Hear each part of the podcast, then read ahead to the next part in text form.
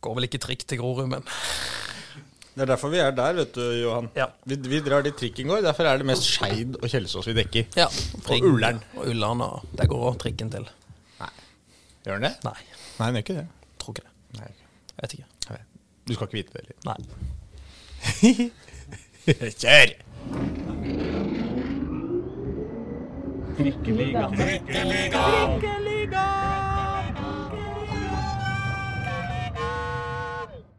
Mine damer og herrer, velkommen til Trikkeligaen sesong 2, episode 40. Og andre. Eh, Velkommen til mine andre også. Jeg heter Aslak Borgersrud. Her har vi Håkon Thon. Hei. Hei. Og der borte har vi Pål Karstensen. Så glad er vi i dag. Og hvorfor er vi så glad, Håkon Thon? Fordi Vi får besøk av Johan Jønnes. Nilsen. Å, det blir så moro! Ja, det blir gøy. Grorud-treneren der, altså, han skal snakke ut om sine aller dystreste og mørkeste hemmeligheter, skal han ikke det? Jo, jo, politisk i hvert fall. Ja. Eh, det, det, liten eh, Han er på bortebane her, eh, får vi si, eh, i vår podkast tilhørende Gamle Arbeiderblad. Men eh, dere får henge med, og så får dere høre mer om det. Og iskald sjokolade, strømpebukser på huet, eh, Grorus eh, Høyballemaskiner. Høyballemaskiner som var oldefar, tippoldefar eller tipptippoldefars eh, Oppfinnelse, eller noe sånt? Ja, det var ikke gærent, i hvert fall. Hvorfor han har Rosenborg-kopp på kontoret, og mye, mye mer gøy fra Johan Jønnes Nilsen. For eh, altså, laget som nå har vunnet tre på rad og ser ut til å redde plassen i eh, Obos-ligaen. eller Det er jo ikke noe overraskende, det, da, for vi spådde jo det før sesongstart. Vi 13.-plass. Det er akkurat der de befinner seg nå! Perfekt. Takk. Eh, Heng med eh, gjennom Johan Jønnes Nilsen-intervjuet. Og på andre sida så får du altså oss tre eh, som skal fortelle om hvordan det har gått i resten av eh, uka for Oslo-fotball. Storskeiv for Vålerenga-damene, blant annet. Absolutt. Opprykk skal vi også snakke om. Opprykk skal vi snakke Det om. skal snakkes om opprykk. Kanskje litt om opprykk. Koffa, som gikk på en smell mot uh, HamKam òg, men fortsatt henger med i uh, kvalikkampen. Det er nok å ta tak i. Ja. Eh, ses på andre sida. Det skal ta Takk. Takk for det. Da er vi i gang. Johan Jønnes Nilsen, hei og velkommen til oss. Tusen takk. tusen takk. Dette blir eh, veldig gøy. Ja, det er så fint å ha deg her. Vi er jo vant til at, eh, til at eh, Grorud-treneren er en ung jypling fra, fra Sørlandet. Men 27 år er du. Det er jo så ungt at du kunne vært justisminister. Ja, det er- er blitt trendy å være ung nå, tydeligvis. Så det Nei, 27 år det er Så det er ung jypling fra Sørlandet. Ah, det er deilig. Ja, det er, Er du da, da er du yngre enn Nesselquist? Ja, ett år yngre enn Ole Martin. Ja, Det er jo litt deilig at dere fikk den tilbake. Altså sånn, jeg husker jo at Det var en ting som Kjøne irriterte seg litt grann over. At Nesselquist alltid var den yngste, og han bare var nest yngst. Men nå får dere den tilbake på han. Det er litt deilig. Ja, jeg tror Eirik irriterer seg mer enn litt, sånn Ja. egentlig. Eh, men ja, jeg er yngre enn Ole Martin, det er jeg. Men uh, din uh, ikke forgjenger, men altså før forgjenger, uh, Eirik Kjøne, ble også kåra til årets unge trener en, en massevis av ganger, så du har litt å ta igjen på han der, har du ikke det? Jo, jeg har masse å ta igjen på han. Han har oppnådd veldig mye. Jeg har så langt oppnådd nesten ingenting. Jeg har vunnet fire kamper. Det er ikke så mye å skryte av. Nei, men du har vunnet tre på rad. Vunnet tre på rad for eh, første gang i klubbens historie i Obos-ligaen. Fikk jeg beskjed om her etter kampen på lørdag, så da har jeg den på Eirik i hvert fall. Ja, Da er du bedre enn Eirik eh, på å vinne kamper på rad. Ja, jeg fikk beskjed om det her Det fra bra. klubben da, på lørdag. Nei, men altså, bare for å gå rett inn i det. Dere har altså vunnet tre veldig eh, viktige kamper på rad. Og nå sist vant dere på lørdag og greide å karre dere over nedrykksstreken for første gang på skikkelig skikkelig lenge. Om det ikke er eh, første gang hele sesongen. Nei, nei, nei, vi har ligget der en veldig god stund. Det har vi. Åssen var det? Nei, det var helt fantastisk. Um, vi har vært i en lang periode med mye tap. Vi hadde en, en seier mot Sandnes Ulf eh, en måneds tid siden, eh, før vi igjen tapte fire på rad. Men hadde OK prestasjoner. Vært litt oss i hele år. Det har vært OK til gode prestasjoner uten å få poeng. Eh, og så fikk vi tre velfortjente poeng mot Ranheim, eh, og leverte en fantastisk kamp bort mot Ullkisa, eh, og vant to på rad der. Og så tenkte vi vi vil jo bare fortsette å spille kamper, så kommer liksom landslagspausen. Og, men vi fikk med oss god stemning, eh, god selvtillit og tro på oss sjøl og det vi holdt på med, inn i to uker med trening. Em, som da resulterte i en meget god kamp mot Raufoss. Et lag vi historisk sett har slitt voldsomt med. Eh, vi slo de borte før i år, for første gang i klubbens historie. De vant borte mot Raufoss. Eh, og nå vinne her igjen. Fortjent, syns vi. Um, ja, det er Var, ekstremt. var det ikke Raufoss dere møtte etter at dere hadde vært ute med korona-greier i forrige sesong? Jo, Og fikk eh, skikkelig stryk? Jo, vi hadde ti dagers karantene, så hadde vi tre treninger før Raufoss. Eh, Dag to før Aufoss, så sier ja, det ser OK ut utpå her nå. Gutta så ganske freshe ut, tenker jeg. De ti dagene de har vært bra for oss. Så henger vi OK med Raufoss i 15 minutter. Um, og så kjører de oss, og så ender kampen 6-1. Så Det, den, var, eh, den ble med behørig dokumentert i den Grorud Underdogs-serien på TV 2. Ja, ja, riktig. Ja. jo. Ja, Den må vi selvfølgelig komme tilbake til. Eh, det var jo en artig serie, og der er mye, mye ting som vi eh, på en måte Jeg, er sikker på at det er mange av lytterne som har sett den serien og tenker Ja, men, ja, men, ja, men skal, den, skal den slutte alt nå? Så, dit, eh, så det må vi komme tilbake til. Men, men av, av ting som har skjedd i år, så er jo Så slutta jo E- Eirik Kjønø. Fikk seg jobb i, i Stabekk. Um, så tok eh, Aksel Bergo over, ble henta inn, og, og du fortsatte som assistent. Ja. Åssen var det? Nei, det var veldig greit. Klubben var tydelig på eh, fra den dagen Eirik eh, forsvant, at man skulle ha en, en ekstern. Og det var helt greit for meg òg. Det passa fint. Jeg skulle egentlig fullføre en masteroppgave da. Den er fortsatt ikke fullført. Men det var helt riktig, tenker jeg også. Og Aksel ble henta inn, det hadde jeg veldig tro på. Eh, men så gikk ting som de gikk. Det gjorde det. Dere tapte en veldig veldig mange kamper, og til slutt så var det, så var det sparken på Aksel. Nei, klubben og Aksel ble enige om å avslutte samarbeidet. Ja, ja. Men eh, det, det gikk ikke, i hvert fall. Og da er det jo eh, ikke alltid man, eh, i hvert fall som supporter, da, er sånn veldig pleier å være Det er liksom ikke sånn eh, ja, kan vi, ikke, kan vi ikke bare få en assistent eh, som kan rykke opp til å bli trener? Det er jo ikke det. Det er jo sjelden det Det er det supporterne brøler om. Ja, vi har heldigvis ikke så mange supportere, men vi har noen. De eh, setter jeg veldig pris på i Grorud Ultras. Det er en fantastisk supportergjeng. De har i tillegg nå blitt fulgt opp av en del sånn ungdomsspillere i klubben som lager bra liv sammen. Eh, men det er klart Jeg har hørt fra noen rundt klubben som så fint sa at vi kunne nok fått inn en ganske mye bedre trener enn deg, ja. Hvem sa det? Nei, det jeg vil ikke navngi den personen. Det, han Det kommer i biografien. Fikk han seg en på kjeften? Nei, jeg, var, jeg sa bare at jeg kan finne mer meritterte trenere enn meg, det er jeg helt enig i, men jeg tror jeg er den beste til å lede det ut sesongen når ting ble som det ble. Og det mente jo jeg òg. Ja, altså Håkon Thon eh, calla dette for, eh, for lengst. Nei, det, det var vel ikke det at jeg nødvendigvis trodde det, det var mer at jeg håpa på det. fordi at eh, det var noe med at ok, nå, prøvde man noe eksternt. da. Aksel kom inn og, og forsøkte seg, og, og det var sånn eh, Ja, det, det så ikke så mye dårligere ut nødvendigvis, men det, men det ble, var akkurat litt for lite i nesten alle kampene. Og så tenker jeg da er det greit å, å avslutte det mens altså Nå var jo han der bare på en ettårskontrakt uansett, på en måte. En slags sånn eh, hva det, han hadde fått permisjon fra jobben på en måte i NFF for å forsøke seg denne sesongen i Grorud. Og når du på en måte eh, Man begynner å se at eh, Jeg tror ikke man hadde gitt opp håpet på at man skulle berge det med Aksel heller, men det hadde ikke gitt noe heller noe stor effekt da, av at dette laget helt åpenbart hadde tatt store steg i, i riktig retning, som jo var på en måte en del av begrunnelsen for å få han inn for at her skal vi utvikle oss, her skal vi ta tankene til Kjøne videre. Og da tenker jeg sånn Ok, nå prøvde vi Aksel. Er det en som i hvert fall vet eh, og deler tankene til, til Eirik, så er det jo eh, Johan. For de har jo jobba sammen i så mange år, og, de, og, det, og spillerne kjenner det. Og du slipper det der med at her skal det inn en ny som først kan, skal forsvare to-tre nederlag med at det, ja, men jeg må sette spillet mitt, og vi må, vi må bli kjent, vi må finne relasjonene. ikke sant, jeg, eh, de, trenger, de er nye systemer, vi skal prøve å ikke sant? Du, du har ikke tid til det nå. Da, må, da tenker jeg, da, da var det lurere å få inn Johan, og, og så kan han ta det ut sesongen. Så får vi se hvordan det går, og så derfra ta en ny evaluering da, før neste sesong. Men hva tenker du at er liksom eh, Hvorfor er det det snur nå?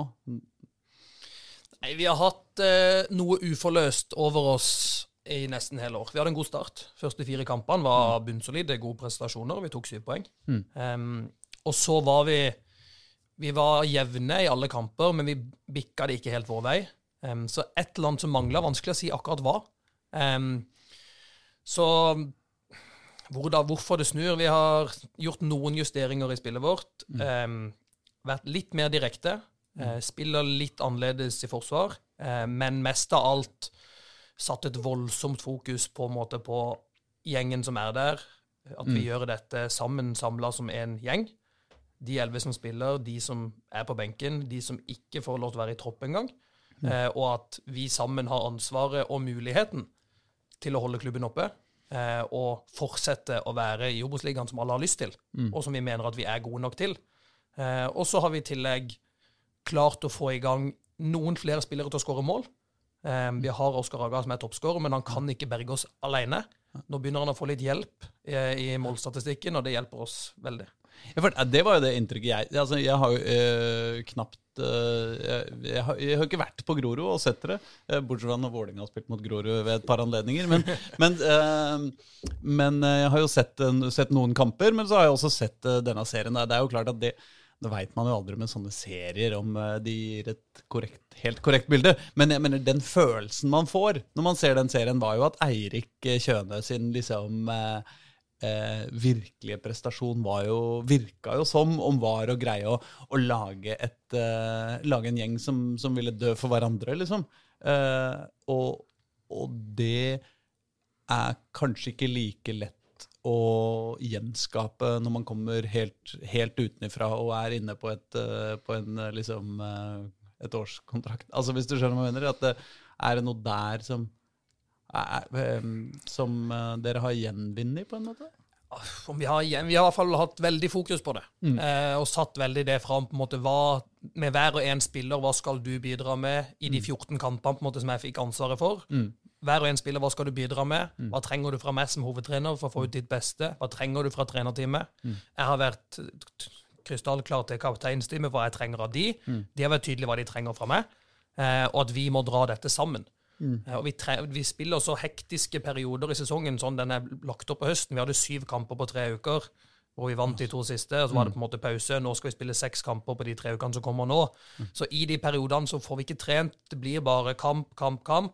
Og du må håndtere å ikke spille, du må håndtere å komme inn, og du må likevel alltid støtte opp. For vi har ikke råd til at spillere er for skuffa over ikke spille, sånn at vi ikke bidrar med sitt beste når de er på banen. For vi trenger virkelig alle vi har i troppen vår, for å ha sjans. Jeg syns også det er eh, noe som på en måte eh, er verdt å hylle litt når det kommer til Grorud. Eh, det er den der evnen dere har hatt denne sesongen eh, til å eh, altså, Som du snakka litt om, også, det, det å tro på dette her. At det, det, virker- og det, dette er egentlig en, en, en, veldig skryt til spillerne, kanskje først og fremst, da, men også s- klubben som helhet. At det, man går kamp inn, kamp ut, taper med ett mål, to mål, det, og så er man likevel kanskje sånn spillemessig det beste laget i 70-80% av kampene dere har spilt. Så har dere vært det beste laget. Og når man ikke får med seg et eneste poeng omtrent med å spille den fotballen, så er det veldig fort gjort at én spiller detter litt ut av det, begynner å tenke at dette her går ikke. ikke? Jeg, jeg tror at det blir enda bedre hvis jeg beveger meg på denne måten, løper i de, det rommet istedenfor det rommet. Men det virker som alle spillerne har vært ekstremt tro mot dette her, og dere leverer på en måte gode prestasjoner eh, på banen hver eneste gang. Og det har vært litt sånn når vi har diskutert kommer Grorud til å rykke ned eller kommer de ikke til å rykke ned, så har jo jeg hele tida i hvert fall ment at jeg tror Grorud kommer til å klare det. Hvis de klarer å fortsette det der gode spillet sitt, så må de poengene De er nødt til å begynne å komme.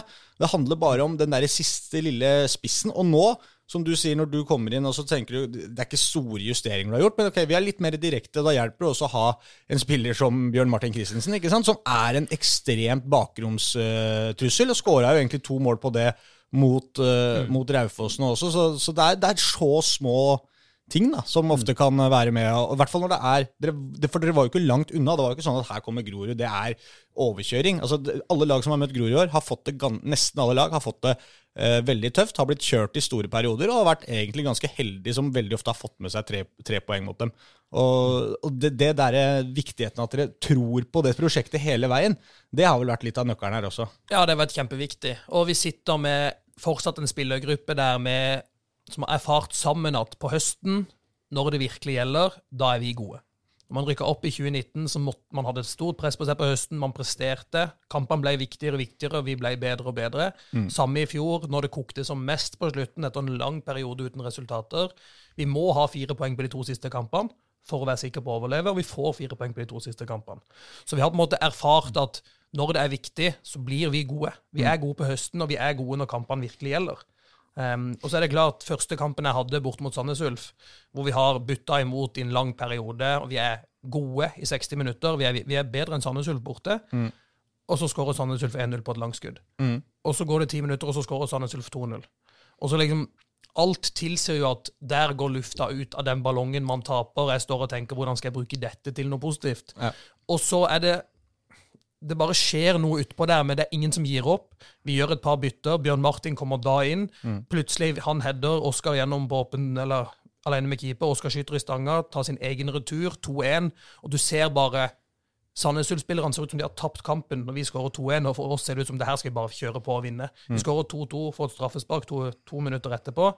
Og da er det bare sånn, det er ikke noe tvil. Vi kjører på, og Sandnes Ulf er egentlig bare lamslått av det som treffer dem. Vi vinner den kampen, og vi vinner jo fortjent. Selv om der du skårer tre mål, så ser det ut som vi er litt heldige, men alt i alt kampen sett under Ja, ja. ett, så vinner vi fullt fortjent. Ja, ja.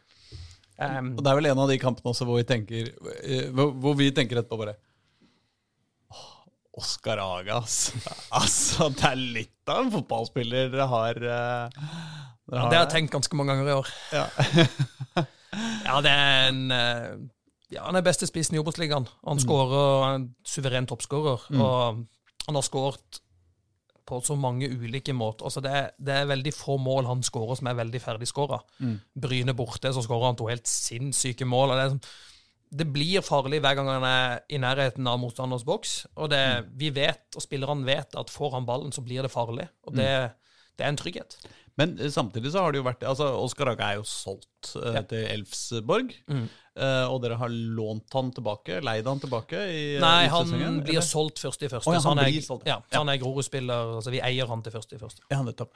Uh, og eh, det var jo en liten periode her hvor han, eh, hvor han eh, ikke skåra så mye mål. eh, selvfølgelig i, eh, samtidig som dere, var, eh, dere Mm. ikke, ikke vant så mye kamper. Eh, og da er det vel en og annen som har liksom tenkt det derre eh, det derre laget, den derre gjengen Grorud, eh, er en liten fare for at den svekkes litt når, eh, når folk, at folk får huet sitt andre steder, rett og slett? Samtidig, ja, jeg skjønner hvorfor folk tenker det. Samtidig så er det sånn at både Oskar, som drar først i første, og Kristos, som drar først i første, hadde et veldig tydelig ønske sjøl om at jeg vil være her ut denne sesongen. Jeg vil bidra til at klubben holder seg før jeg tar steget videre. For klubben her har gitt meg muligheten. Klubben her har satsa på meg. Så jeg vil gjøre alt jeg kan, og venter og utsetter på en måte sitt neste nivå et halvt år for å hjelpe klubben og sørge for at den holder seg oppe, og så drar de videre. Så det, når det er det som er bakgrunnen for at de ikke drar, så tror jeg det bidrar positivt inn i gruppa, istedenfor at noen tenker at de skal bort. fordi at sånn er det i Grorud. Vi henter spillere som vi mener kan ta store steg. Når de blir gode nok, eller for gode for oss, så må vi selge de. Så det er på en måte også en del av vår mulighet til å lykkes som klubb. Men så både Kristos og Oskar eh, eh, er eh, har blitt igjen på en måte ikke av egeninteresse. Jeg har egen interesse av å holde Grorud oppe, for de er blitt så glad i klubben over den tida de har vært der. Det er så motsatt av det du sa, egentlig. da. De, de, de har jo Ja, ja, blitt igjen for, fordi de har lyst, ikke fordi de må. Ja. Mm. De har valgt selv, altså, altså, Begge ja. de var tydelige på at de har lyst Ja. til å bidra til å holde Grorud Ja. Det har, det, men det har ikke vært kyniske vurderinger sånn uh, Det beste for meg uh, i min karriere er å få den siste uh, sesongen her, fordi da kan jeg Det er bedre sjanse for å spille 90 minutter. Ja, Det er jo spiller oss nok også inn i bildet, selvfølgelig. Begge de to er jo viktige og faste på vårt lag. Eh, mens Oskar skulle han dra til Elsborg i august. Det er ikke når han hadde spilt så mange kamper i høst. Da måtte han inn og konkurrert istedenfor å komme dit i en ny preseason. Kristos kunne dratt til Haugesund eller midt i sesongen, men Haugesund henta Torje Naustdal fra Strømmen samtidig. Han har ikke spilt veldig mye. Um, så da er det bedre for Kristos, tror jeg, da, å spille fast hos oss enn å sitte på benken i Haugesund i et halvt år. Det blir eh, det er, altså, det er, det, Har du gjort noen vurdering på hva som skal til for å, for å redde plassen? Hvordan tenker du? Har du driver du matte her, liksom? Nei, vi må vinne minst to kamper til. Ja. Minst. Mange kamper har dere igjen? Vi har syv igjen. Så vinner vi to til, så har vi 30. Jeg tror 30 kan holde, eh, men eh, jeg tror eh, 33, da er, vi, da er vi sikre. Så hvis vi vinner tre de syv siste, så har vi god mulighet. Men eh, sånn det er nå, så tenker jeg bare altså, det er Syv kamper høres ikke så mye ut, men det er så mange kamper, de kommer så fort at det er neste kamp hele tida. Så nå er eneste fokus er på en måte start på onsdag. Ikke sant, Nå er det start på onsdag. Og eh, et eh, fintuna lytterøre eh, vil skjønne, gjette på at det er en litt spesiell kamp for deg. Ja, det er en veldig spesiell kamp for meg. Eh, Jeg har ikke vært veldig supporter av Start, men jeg har vært en del på startkamper og har jo fulgt mye med i klubben, så det er klart eh, I tillegg ved måten vi tapte mot Start på i starten av sesongen i år, hvor vi var Det var en jevn fotballkamp, eh, og Start vinner 4-1. Eh, Så det, den var tung. Den var virkelig tung. Um, så det ligger litt revansj der, samtidig som det er jo spesielt å skulle reise til Sørlandet og lede Grorud på Sør Arena. Det er jo det. Eh, eh, Bitte lite side, sideskritt der, bare fordi jeg har googla deg litt. Jeg har googla deg en del, skjønner du, Jan. Så, så, så det er litt å hente i, i gamle databaser. Um, eh, eh, en, en ting som er fryktelig på sida, det er uh, en person jeg mistenker at det er din bror, som har skrevet rasende leserinnlegg i uh, eh, eh, hva nå avisa heter. Fedrelandsvennen. Fedrelandsvennen, ja. Eh, om eh, hvor dårlig navn det er på Sør Arena. Ja, det, det Når du sier det, så tror jeg det kan stemme at Ja, han har eh, Eirik, eh, Eirik, ja, det er min bror, ja. Ja, ja, Så det, ja. Som også Hva, hva var han sinna på? At det heter Sør At det Arena? heter Sør Arena. Ja, ok, Dårlig navn. Ja, ja, ja. Um, Men heter det det? Sør Nei, Arena? nå heter det det het Sør Arena ble bygd. Nå heter det Sparebanken Sør Arena. Så om de bygger seg opp eller ned i navnkvalitet, det er jeg litt usikker på.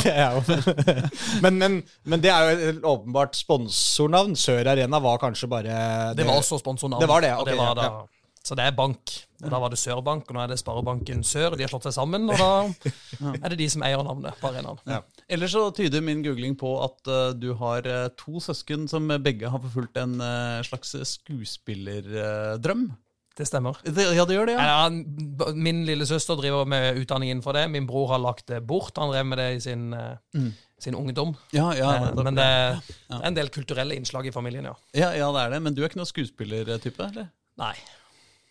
Det er jeg ikke. Nei.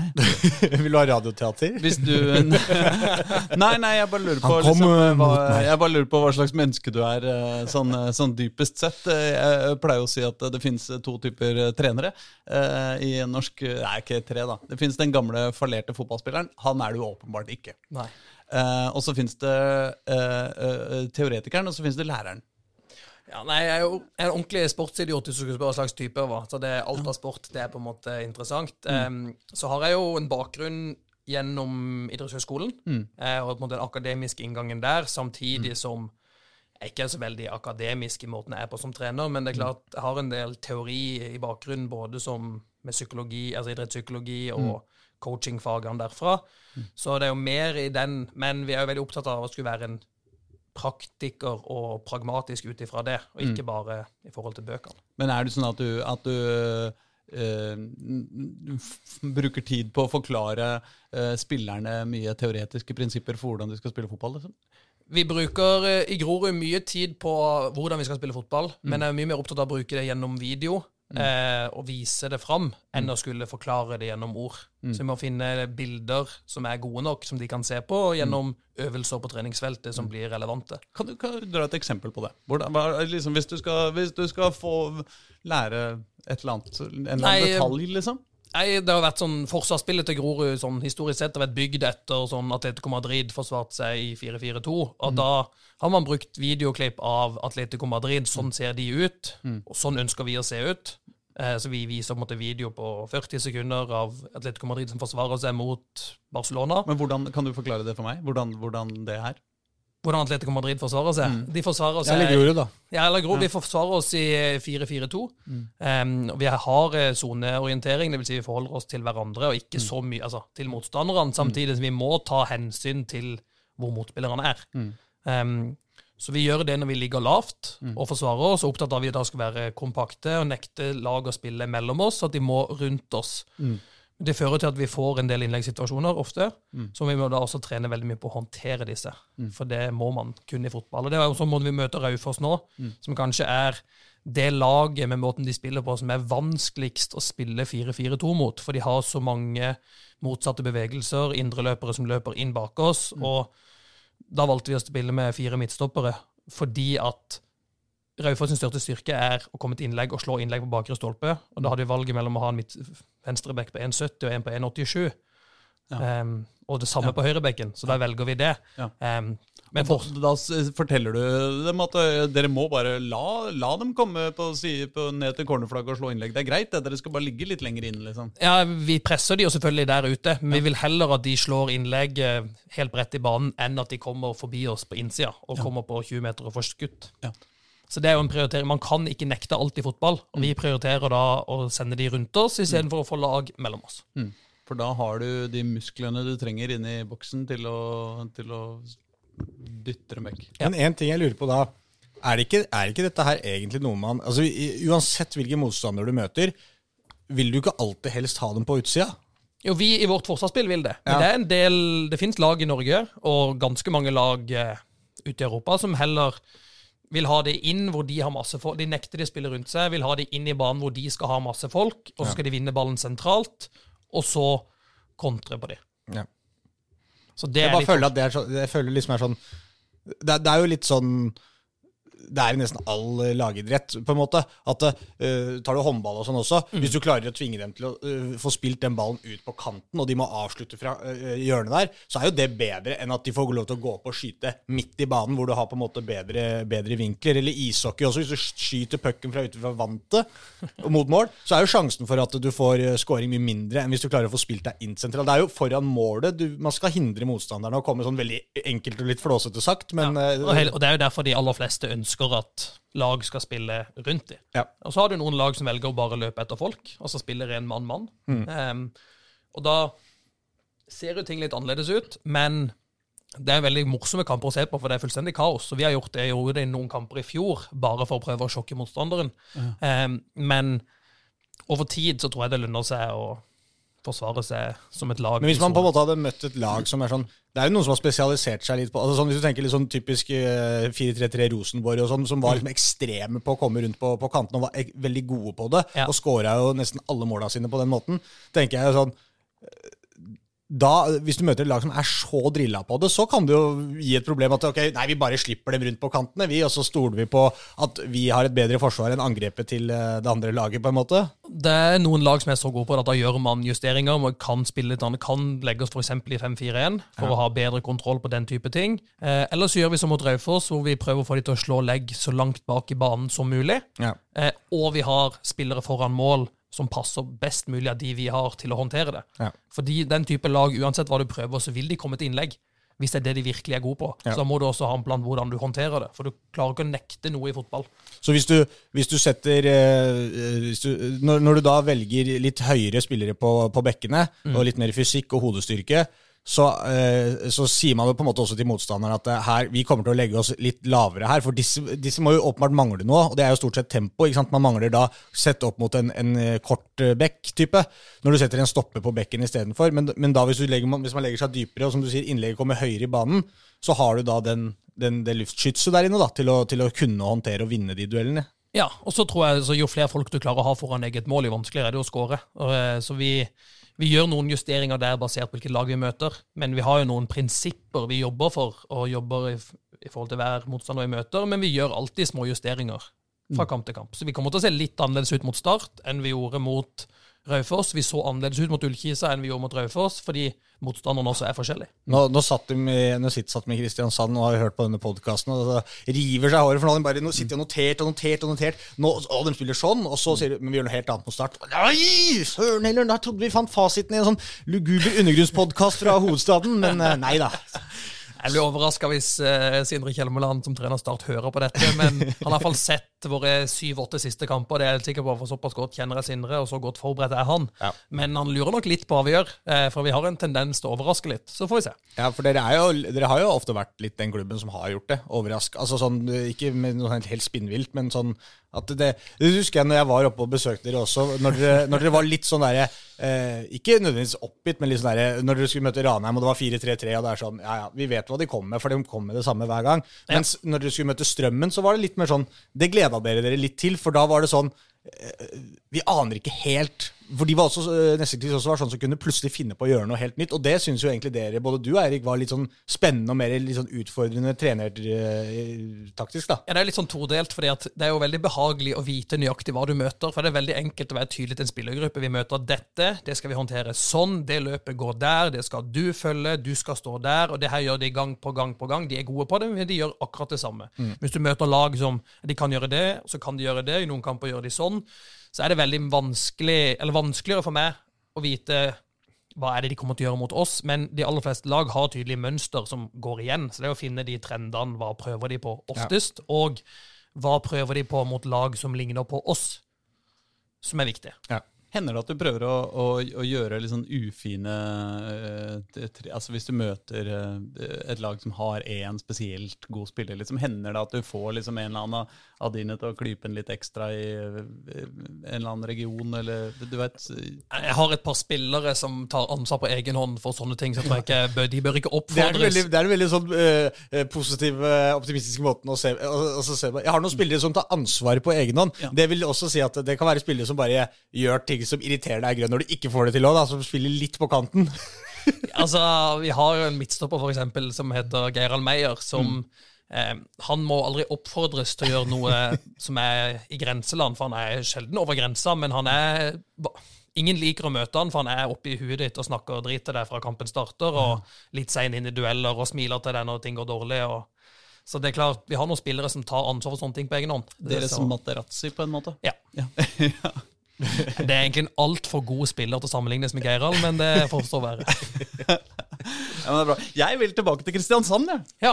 Eh, Vil du ikke ha bedre fotball, eh, formasjon, Jo da, jo da, men uh, dit kommer vi alltid eh, tilbake til. Men altså, jeg var jo litt nervøs her når, når jeg inviterte deg inn, og du sto og studerte redaksjonsklubbens fane, Arbeiderbladets redaksjonsgruppe, og, og bak deg har du Martin Tranmæl på den andre, ved den andre skulderen, men du var da altså leder i Kristiansand Unge Høyre? Det stemmer. altså, kommer fra det, det, sant, det blide, eh, pietistiske kristne Sørlandet, var leder i Unge Høyre og ender i, og ender i Grorud. Der Det er, eh, er det litt eh, det er, det er litt overraskende. Ja. ja, det er kjempeoverraskende.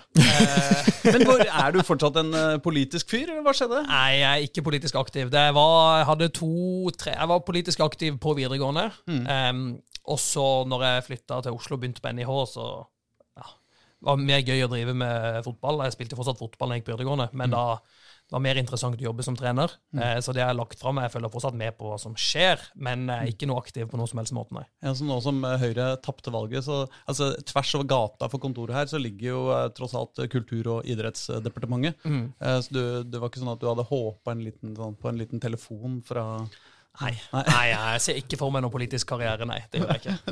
Det er jo kjedelig, hvis du, er, hvis du elsker konkurranser, så er det jo litt kjedelig å bare få konkurrert annethvert år. ikke sant? Det er kulere å få gjort det en gang i uka. Ja, eller sånn som det har vært i år, så konkurrerer jeg hver tredje dag siden jeg ble hovedtrener. Så det er klart det, ting går i ett. Nei, men du er f.eks. for eksempel eh, fryktelig tilhenger av, uh, av uh, firerkrav i matte for, eh, for lærere, har jeg inntrykk av. Eh, mer nivådeling i skolen, eh, sånne type ting. Jeg, er opptatt, jeg var opptatt av det fortsatt, fordi når jeg jobber som Altså, vi må gjøre alt vi kan for å få maksimalt ut av potensialet til mennesker. Og så jeg jobber jeg da med fotballspillere, og folk trenger ulike utfordringer. Mm. jeg må være annerledes mot mine ulike spillere. Jeg kan ikke behandle alle de Jeg må behandle de likt i forhold til regler, men jeg må møte de på forskjellige plan, og jeg må gi de ulike typer tilbakemelding og utfordring for at de skal få ut det beste av seg sjøl. Eh, og det mener jeg også bør gjelde i skolen. Det er helt riktig. Men blir det mye sånn, det mye, kan det bli mye politikkprat på Grorud? For jeg føler at er det én fotballklubb jeg har besøkt litt, eh, og hvor det er mye politiske folk, så er det jo eh, på Grorud. Der har du, du har jo Ja, hva er det Frode Hva er det han er nå? Er han mediesjef? Er det det som er tittelen hans, eller? Ja, han er mediesjef. Ja, vi får si mediesjef.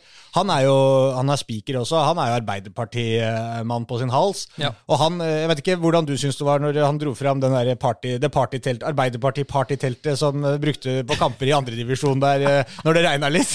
Ja, Vi har heldigvis fått en sponsor som hjelper oss med telt på kampdag, så ikke det er Arbeiderpartitelt som det var en periode i andredivisjon. At hvis det regnet mye, så var liksom spikeren under et Arbeiderpartitelt, og vi så ut bare som en medlems... eh, Altså, Grorud Arbeiderparti var liksom de som spilte kamp. Det har så vi er det jo noe heldigvis med- fått avstand fra. Ja, så er, så er det jo, så er det jo, så er det noe med at når man kommer som gjest til Groruddalen, så, er, så, så føler man jo veldig at er, dette er jo på en måte venstresidas høyborg i politikken. ikke sant? Oslo øst er Arbeiderpartiet og venstre, lenger venstre i politikken som dominerer. Så det, det bygga jo litt opp under det, syns jeg, når du kommer til Grorud. Der er det Arbeiderpartiet, liksom. Og så sitter Jan Bøhler vel i, i styret. Det gjør han. Ja, Der har du jo da Senterpartiet involvert også, så det er jo kan det bli, Er det mye politikk der oppe, eller klarer man å snakke bare fotball? Nei, det er klart, eh, Frode klarer jo ikke å gå uten å snakke politikk, men Nei. det er jo kun Arbeiderpartiet det gjelder. Um, og alt annet er uinteressant i hans ører. Um, så oss andre så vi orker egentlig ikke å snakke politikk på jobb, så vi, vi prøver da å styre unna de temaene. Hvor jævlig er han akkurat vært, han vært nå siden valget, egentlig? Nei, Han har hatt så to såpass tøffe valg i det siste, hvor han har gått hardt ut og bomma begge ganger, så han har faktisk klart å holde seg delvis på matta. Ok. Så han har ikke hovert voldsomt i ettertid her heller? Nei. Nei. Men bare for å gjøre eh, avstanden din personlig til Grorud enda lenger eh, eh, med, Når jeg har gått aller dypest ned i, eh, i, eh, i, i googling Åh, nå, nå ble du sånn nervøs. Jeg er litt spent nå. På den mørke, mørkeste siden av Nei, dessverre var det ikke så. Jeg, jeg er redd for at det ikke Nei, men eh, du har en, en navnebror eh, som heter Johan Jønnes. Og som eh, er eh, for- eh, Eller som Du kan ikke legge skylda for det navnebroren Nei, nei, hans men- hvis han er en idiot. Hear me out, dette er bare retning Nei, som, som er businessmann, som begynte med en sånne rundballpressemaskiner. Det er min uh, oldefar. Ikke sant, det er din oldefar. Det stemmer. Uh, ikke sant, jeg traff Og Min, morf, altså min morfar var også politiker igjen i KrF, da, hvis du hadde googla litt Å, ja, videre. det er og var- ja, men, ikke sant, fordi Det er jo åpenbart en link mellom å drive business uh, og, Høyre. Eh, men i tillegg så er det jo altså, rundballepresser. Det er jo Ja. noe av det mest landlige det går an å drive Ja, med. nå- ja, det er ikke de, mye eh, Ja, ja, så, Ja. sånne traktorer. Ja, for jeg skjønte hva du mente. Jeg trodde det var noe fotballrelatert med en gang. Ja, men runde er er den Ja, ja. gressballen. Ja. Ja. De der hvite greiene som ligger ute på landet. De marshmallows. Ja, så Det er jo enda lenger fra Grorud. altså Det er ikke mye rundballer på, på Grorud. Nei, men det var vel sånn tilbake historisk sett så var det vel en del landbruk og utover der. Så Jo, det, nærmere sånn tilbake i tid, så ja.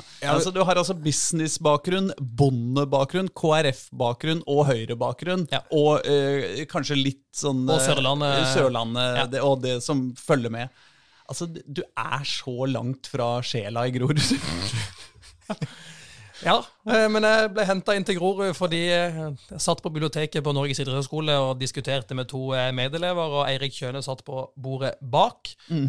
og kom bort og sa 'du er sørlending'. Så jeg ja, hm, du begynner å jobbe i Grorud. Og så etter vi egentlig, Det var egentlig sånn det skjedde, da. ja, det er så enkelt, det. Ja. Ja. Ja, det er bare rein sånn dialekt. eh, Ja. Det, Rett og slett. det er sånn dere holder på der. Ja, Ja, for, det- for det var Eirik som henta deg til Grorud? ja det var det. Ja, ja. Ja, men da, da jeg Men det er bare når vi er på Ja. Sørlandet, og at du er langt unna så dette, En ting som jeg også må ta opp, er jo dette her med Fordi vi snakka jo om, eh, om Start, som du skal møte neste gang, og Sørlandet og alt dette der. Men du har jo egentlig en fotballklubb som altså, Eller for å si det sånn, De fleste vet, som kjenner deg, vet at du følger Rosenborg. Ja. Eh, som, som, eh, eller som det er laget du alltid har fulgt, for å si det sånn. Ja.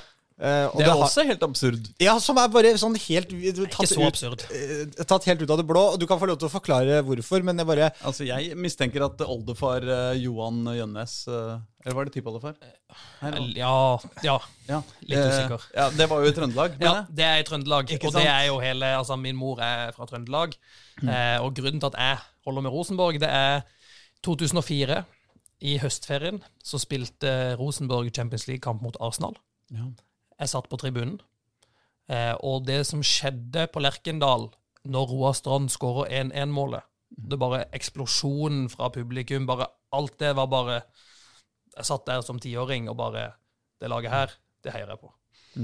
Og da var det på en måte, da var det ikke noe vei tilbake. For det er ikke noe Ingen andre lag i Norge har gitt meg det som supporter. Um, men det er klart, jeg er ikke noe veldig Jeg sitter ikke nå liksom og Alt jeg tenker på i uka, er hvordan skal det gå med Rosenborg i helga. Eh, Men du tenker litt på det? Jeg følger med hva som skjer rundt Rosenborg. Ja. Det gjør jeg. Ja, Da så du kanskje kampen i går, eh, går da, mellom eh. Vålerenga og, og, Rosenborg? kan jeg bare skyte skyte én inn ja. en ting? og det er at Grunnen til at dette her Altså i utgangspunktet at trenere i forskjellige klubber eh, hei, at de har et annet lag, det er jo ikke kanskje eh, altså Det er nesten uunngåelig. Det er veldig få som får lov til å trene på en måte bare den klubben du begynte å heie på da du var ung.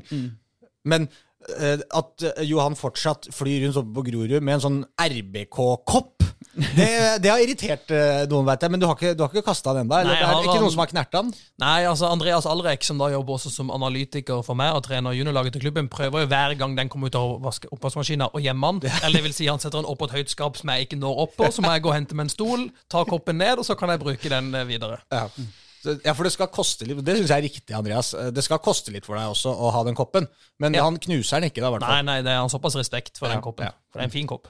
Ok, da kan du få lov til å dra til Lerkendal igjen. Ja, nei, Jeg bare lurer på hva du, hva du syns om gårsdagens uh, batalje. Det var jo, uh, det, det, det var jo altså, både rød kort og masse straffesituasjoner og dommer som uh, fikk kjeft i alle retninger. og...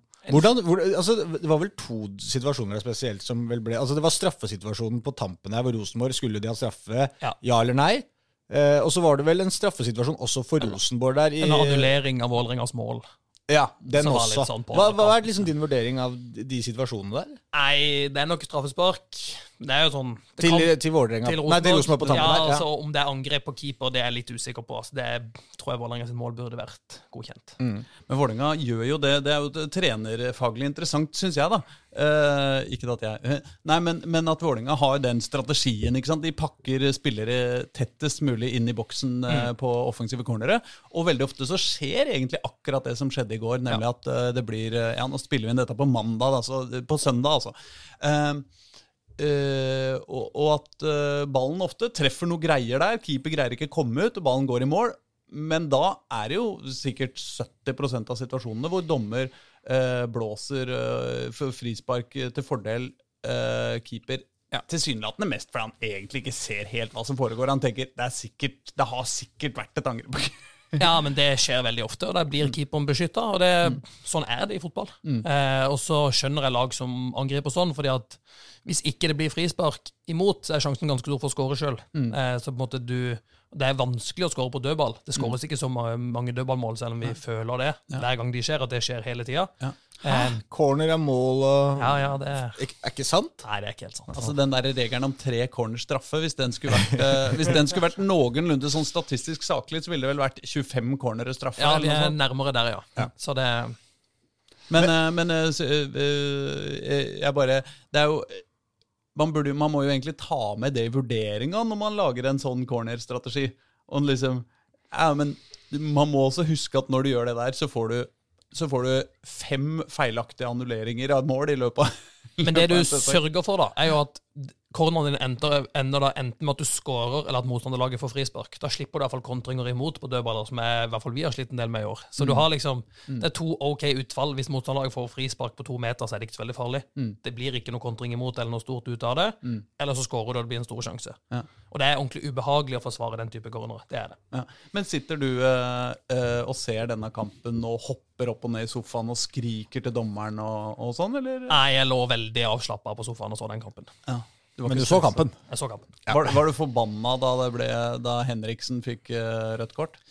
Nei, jeg var mer uh, litt overraska over at, uh, som han så fint sjøl sa etter kampen, har jo total hodemist eh, i forhold til hva han skal ha rutine. Og som han sier, det sier sjøl, det er jo 100 overtenning. Mm. så jeg er jo mer overraska over at det der faktisk skjer. Men det er, det er fotball. Men, er, du er, du er, men du, du var, det var jo en gang jeg ringte til deg også, så du har jo vært på liksom, du, har jo, du var jo ikke på Åråsen. Og så Lillestrøm-Rosenborg også. Sto du da liksom med bortesupporterne, da? Eller? Nei, der ikke- satt jeg Men det var, fint da, da var du med ja, Da var du sammen ja, Du kan forklare selv.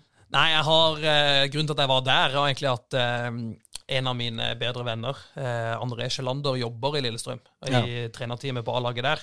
Eh, så han hadde skaffet meg billetter, så jeg var der sammen med Jørgen Bjørn, som er assistenttrener i Kjelsås. Ja. Um, han nå har jo sine aner mot uh, Østerdalen, men derfra også heier på Rosenborg. Men vi satt ganske nøytralt pakka midt på en Lillestrøm-tribune, så vi, vi var ganske rolige. Men du hadde Eh, ikke på deg Grorudtøy? Jeg hadde på meg nøytralt tøy. Nøytralt. tøy. Jeg tror heller ikke Grorud er sånn kjempepopulære på Åråsen. Nei, det er ikke sikkert. Etter den uh, lille betal bataljen på siste serierunde i fjor. Er Ja. det den du tenker på? Ja, det var, var ikke alle der som var fornøyd med hvordan vi opptrådte. Men vi fikk med oss ett poeng, og det var det som telte. Ja, men det er bra. Du, vi har fått eh, inn eh, noen, eh, noen spørsmål. Jeg tenkte å begynne med et fra Twitter, hvis nå telefonen min har tenkt å oppføre seg. Det har den. Ma Magnus Are på Twitter spør. Eh, veldig, veldig sympatisk og, og positivt innstilt spørsmål. Jeg så dette her i går tenkte det Grorud fotball har et tragisk og flaut samarbeid med en Viken-klubb, som for øvrig spiller i samme divisjon neste år. Hva er viktig for Grorud å få ut av et samarbeid? Ja, hva er viktig for Grorud å få ut av et samarbeid? Vi snakker vel om Stabæk Altså Spørsmålet til slutt der er jo et helt legitimt spørsmål. Det- Kjempebra spørsmål. Ja, Innledninga der var veldig vålerengsk. Jeg, jeg syns sleivsparka er legitimt òg. Det er hyggelig med litt sleivspark. Ja, det Stabæk, eh, eller da Eirik, sendte jo noen sleivspark i retning Vålerenga når denne samarbeidsavtalen ble offentliggjort. Ja. Em, også historisk tilbake, vi hadde en samarbeidsavtale med Vålerenga for noen år siden som vi ikke fikk så mye ut av. Em, men det som er viktig for oss når vi har et samarbeid, det er jo at med Stabæk er samarbeidet egentlig på utviklingsavdelingsnivå. Så det man samarbeider om de yngre lagene møter hverandre til kamper, man kan diskutere mellom hverandre hvordan jobber dere, sånn her jobber vi. Eh, men òg at vi har tilgang på en del ting Stabæk utvikler av analyseverktøy, litt sånne ting. Og, og vi, de har tilgang på vårt, at vi kan diskutere det med hverandre og få litt referanser fra hverandre. Hva, hvor gode jeg kan få referanser fra hvor de fysiske dataene for eksempel, fra A-laget i Stabæk kan jeg få hvis jeg ønsker det, bare for å se For den ene liksom. kampen. Hvor, Ja. hvor må vi til for å liksom sette en referanse for oss, da? Um, og så Hvis dere skal greie å rykke ned fra Eliteserien en gang, uh, hvor, hvor, hvor rask må venstrevingen din være da? liksom? Ja. Uh, og ehm, Så det er liksom en sånt samarbeid der. Og så er det klart, skulle spillere i Stabæk være aktuelle på lån, så er vi en klubb som de vil vurdere å sende han til i litt større grad enn andre Obos-ligaklubber. Men det er ikke noe der at de må sende spillere til oss, det er det ikke. Og vi må, vi må ikke sende noen som helst spillere til Stabæk, det står det ingenting om i avtalen. Men det er jo to klubber som på, på sitt nivå er ganske like, da. Så, så, så selv om, selv om samar samarbeidet Uh, Selv om det høres kanskje rart ut geografisk, og litt sånn Her er du Bærum og, og tjukkeste Groruddalen, på en måte. At det, de tinga der går ikke liksom helt hånd i hånd, nødvendigvis. Men klubbene drives jo veldig likt, med et veldig fokus på, på talentarbeid. da, Akademispillere og de tinga der. Så, så, Og sånn utvikle egne spillere, Ja. på, eller få unge spillere ut og spille, selge videre, på en måte med den samme forretningsmodell, da. Ehm, så er det jo sammenlignbare klubber. Ja, for jeg føler at Stabæk er på en måte eliteseriens Grorud på mange, eh, mange vis. Det er jo et, et lag med et av de laveste budsjettene. eh, et av de lagene med færrest tilskuere på kampene. og eh, ikke sant, Alle disse tingene her, men som er ekstremt gode, og egentlig er på det nivået de er, takket være det gode ungdomsarbeidet som de, de gjør, begge klubbene. Ja. På den andre sida så er Stabæk kanskje en klubb hvor, eh, hvor eh, når, eh, når man inviterer tolvåringer til akademiet og forteller foreldrene deres at det koster 3000 kroner i måneden, eh, så, så, så sier de Stabæk-foreldrene OK, mens Grorud-foreldra sier det er det dummeste jeg har hørt. Så er det, det, er klart, det er ganske annet økonomisk bilde i akademi både til Stabæk, men det er ikke Stabæk alene. For det er hele Oslo vest, så koster det opp mot de summene du snakker om for spillet, om det så er Ullern eller om det er andre den type klubber. Men de mulighetene har vi ikke i Grorud. Da må vi finne hvordan kan vi drive godt nok eh, til at vi kan utvikle spillere til å bli eliteseriespillere eller ut av landet, som er målsetninga vår. Hårete målsetning, ja, men det er det vi jobber for. Og så kan det likevel ikke koste for mye, for da har vi, kan vi ikke holde på der vi holder på. Så det er også en veldig interessant Man får det hele tida opp mot hverandre. Vi kan ikke bare kaste ut ting som koster penger. Vi må bare gjøre det hva, hva er det som trengs? Jo, det er gode trenere og gode treninger. Eh, og så er all bonusen rundt må vi måtte jobbe for å legge til rette for. Men det betyr man kan ikke dra på masse turneringer i utlandet eller reise Norge rundt på turneringer, men du kan dra kanskje på én, da. Eh, og så må vi se der det er bra, og så må du ha gode nok uker og hverdager Ja. for de unge spillerne. Men betyr det at når du selger Oskar Aga til Elfsborg, så, så uh betyr det at eh, du, du må bruke noen av penga på å ansette ungdomstrenere istedenfor å kjøpe nye spillere? liksom? Nei, det er klart Alt av pengene fra Oskar Aga går ikke til A-laget. Vi må også bygge klubb, vi må bygge anlegg, vi må få finere tribuner, flere tribuner, vi må få tak på tribunen, men vi må også forsterke A-laget vårt. Eh, og så må noe av det gå tilbake til å drive bra utviklingsarbeid. For vi som klubb er opptatt av å skulle utvikle også egne spillere. og Ikke bare måtte hente 16-17-åringer utenfra, men kunne få liksom den neste til å gå hele veien i Grorud, og så inn på A-laget, og så selge. Det er jo det kuleste i fotball, men det skjer jo ikke så ofte. Men det, men det er jo også sånn det, der, det er jo det at begge klubbene på en måte Selv om man må løse det på forskjellige måter, så er fokuset veldig retta mot de, de, mm. yngre i klubben. da. Det er vel det det er, så må man, Som du sier, altså, det, det er ikke de samme ressursene, det er ikke de samme menneskene som bor i Grudalen, som bor på Bekkestua. Men eh, jeg, jeg, syns jo det at uh, eh, det at du sier man bruker pengene som du får fra Aga på å hente en trener, dette er jo på en måte en jobb de allerede altså Dette er jo en strategi man la for veldig veldig mange år siden, at man skulle satse på dette her. Så, så man har jo nå sant, fått den kompetansen på plass. Man har det systemet oppe og går. Akademiet er der, og man har på en måte bygd den businessen som kan eh, gi penger til Grorud på lang sikt. Og det vil si at eh, ja, noe av pengene fra Aga de skal selvfølgelig gå på andre ting enn bare å, å hente inn en ny spiller til A-lagstroppen. Men den skal jo heller ikke gå til å hente inn nødvendigvis noen ny trener, for den jobben har dere på en måte allerede gjort. Der er dere godt besatt nå, med, med trenere på yngre Ja, der er vi kjempegodt besatt. Um, så det er klart vi må, de pengene skal utvikle A-laget vårt videre og klubben videre. Så det er på en måte, det går selvfølgelig til begge deler. Og så kjører vi jo prosjektet deres med å skulle gå til Fredrikstad, f.eks. Da fikk de jo inn masse penger da til eh, utstyr til eh, barn og unge. Det er litt sånne ting man må gjøre da, når man kommer fra et sted som, som Grorud kontra Bærum. Men du har noen flere innsendte spørsmål, og har du ikke det, Håkon? Ja, jeg har noe. Eh, skal jeg bare ta det kronologisk, kanskje? da? Hvorfor har han profilbilde av at han scorer i en treningskamp?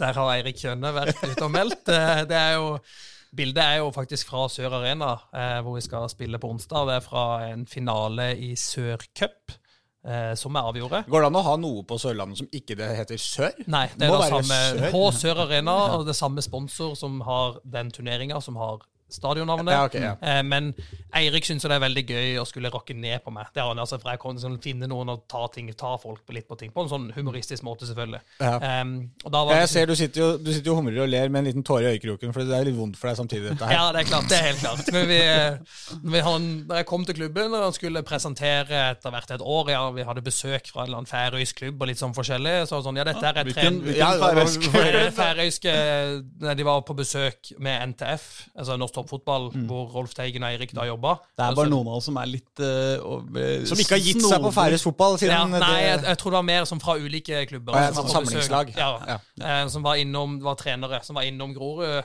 og skulle innom masse klubber, men de var også innom Grorud.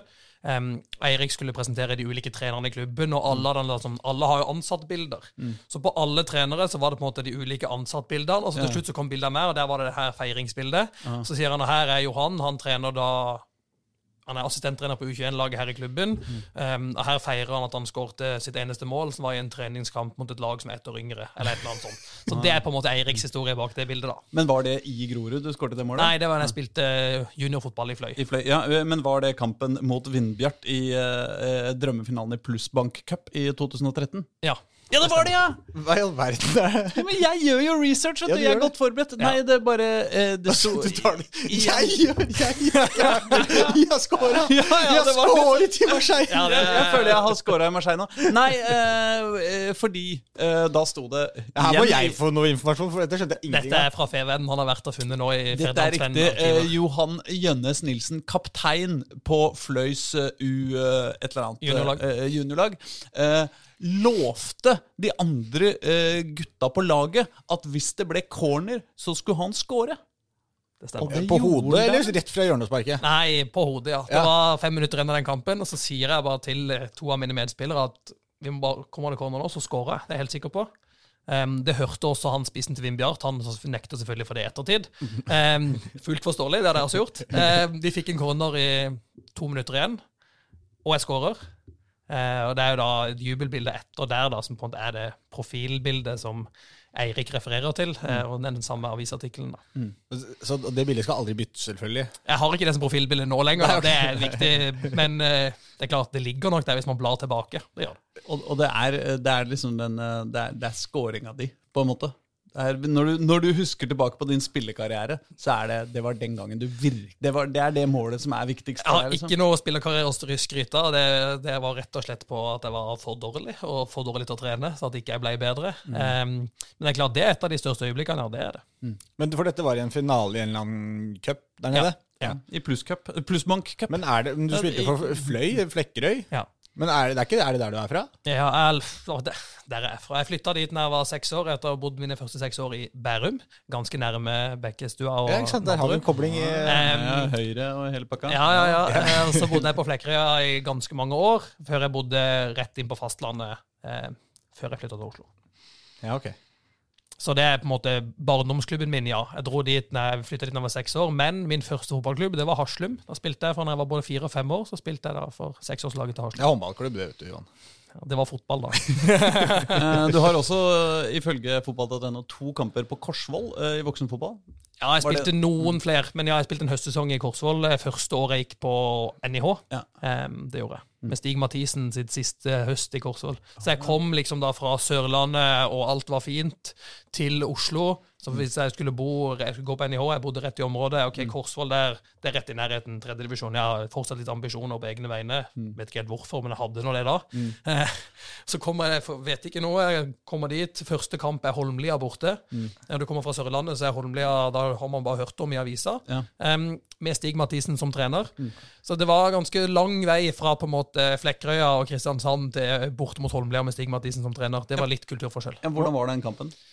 Var det, Eller hvordan var det turen liksom. Levde den opp til forventningene? Nei, Jeg husker ikke så mye av selve kampen, men jeg husker bare på en måte måten Stig Mathisen snakka på. Eh, ble brukt en del styggere ord der enn jeg var vant til fra Sørlandet. Eh, selv om jeg håndterer det helt fint. Men det er klart, eh, kulturen var litt annerledes i den garderoben eh, enn det jeg var vant til. I garderoben til Korsvoll? Ja. Ja. Sikkert i garderoben til Holmlia òg. Ja, det er klart. Det er annerledes å møte Holmlia enn å møte Våg på, på Ja. Sørlandet. Eller Vindbjart? Stig Mathisen setter sikkert pris på at du er litt mer direkte i spillestilen. Uten tvil. Stig Mathisen har vært eh, OK fornøyd med hvordan vi har sett ut. eh, OK fordi at vi av og til slår ballen langt. Altså, Han ville jo ikke vært fornøyd i det hele tatt. Nei, med tanke på, Men vi har faktisk slått ballen direkte fram et par ganger. Og da, Jeg har sittet foran Stig Mathisen på Kjelsåskamp, fordi jeg har vært og sett på da min venn Jørgen Bjørn der, Ja. eh, som er trener. Og da det er jo alt, det er ballen skal fremover. Ja. Eh, og du skal, så det, Jeg har hatt han bak meg der, jeg vet jo hva han står for. Og, men det Det er jo, at ballen skal framover, er vel de fleste egentlig enige om, men den skal veldig fort framover. Ja, ja jeg fikk eh, andre, ene kampen jeg starta for Korsvoll, så fikk jeg følgende beskjed at Johan, hvis du får ballen nå, så skyt den ut til innkast. Høyt opp i banen. Så høyt opp som mulig. Så går vi opp der og låser av, så har vi en god mulighet.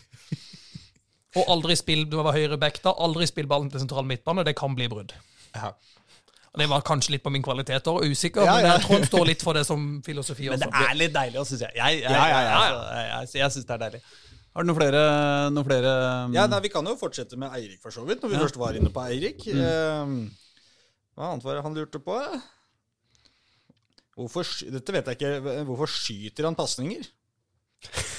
er det, Siden vi først er inne på spillekarrieren, liksom? Er det, Nei, det, er, det handler om en Grorud 3-kamp eh, på idrettshøyskolen, hvor jeg, meg og Eirik spilte. kan jeg bare først gjette på hva dette kan være? Uten, jeg aner ikke hva det er. Bare, litt typisk Eirik, så føler jeg at han har fått noe pasning av deg. Og så, og så klarer ikke Eirik å ta imot. Det er helt riktig. Og så klager han på at du har skutt en pasning, Ja. sikkert.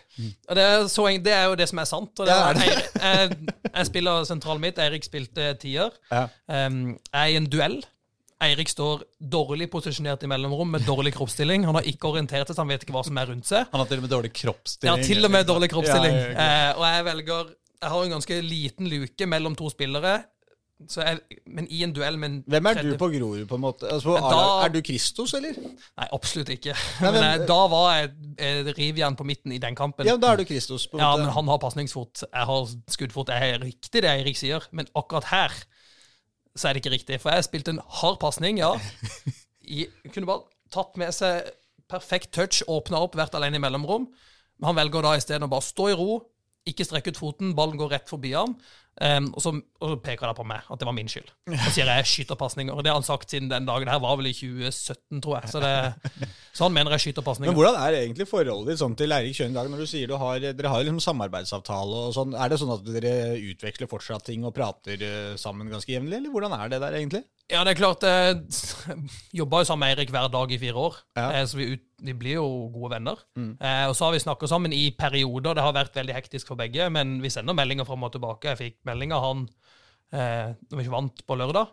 Eh, og jeg følger jo med på Stabæk og håper at de gjør det bra. Jeg håper jo at han lykkes, for vi har jo et godt forhold, og jeg syns han er en flink trener. Og så er det så innmari irriterende hvis dere havner i samme divisjon. Jeg syns det hadde vært litt gøy også, da. Selvfølgelig, Grorud Stabæk er jo kult, men jeg håper jo for han og Stabæk sin del at de holder seg. Det er klart. Men, Men- det hadde vært gøy å møte Stabæk. Men kan dere fortsette å utveksle treningsdata liksom, hvis de eh, rykker ned? Ja, Stabæk skal jo være en større klubb enn Grorud, så på en måte referanse vi, Det er jo ikke sånn at vi sender hver en, vi sender ikke hver, alle data til hverandre, men på en måte referansedataen på hva som er best i Stabæk, den vil vi fortsatt få tilgang på. Det, det er, for de er ikke, Stabæk er ikke redd for Grorud, og det skal de heller ikke være sånn over tid. Men at vi kan slå det i en enkeltkamp, det er jeg full tro på. Mm, Når du får analysedataene og oppdager, at, eh, oppdager hvilken spiller som er soleklart uh, dårligst trent av dem, og så kan du bare Vi legger, vi skal spille ballen rundt uh, han venstrebekken, og masse, så han må løpe og løpe og løpe, så kommer han til å være dævsliten til pause. Jeg tror det blir litt sånn radio silence siste ukene før der, det tror jeg nok. Men det er klart, jeg har et godt forhold til Eirik, det har jeg.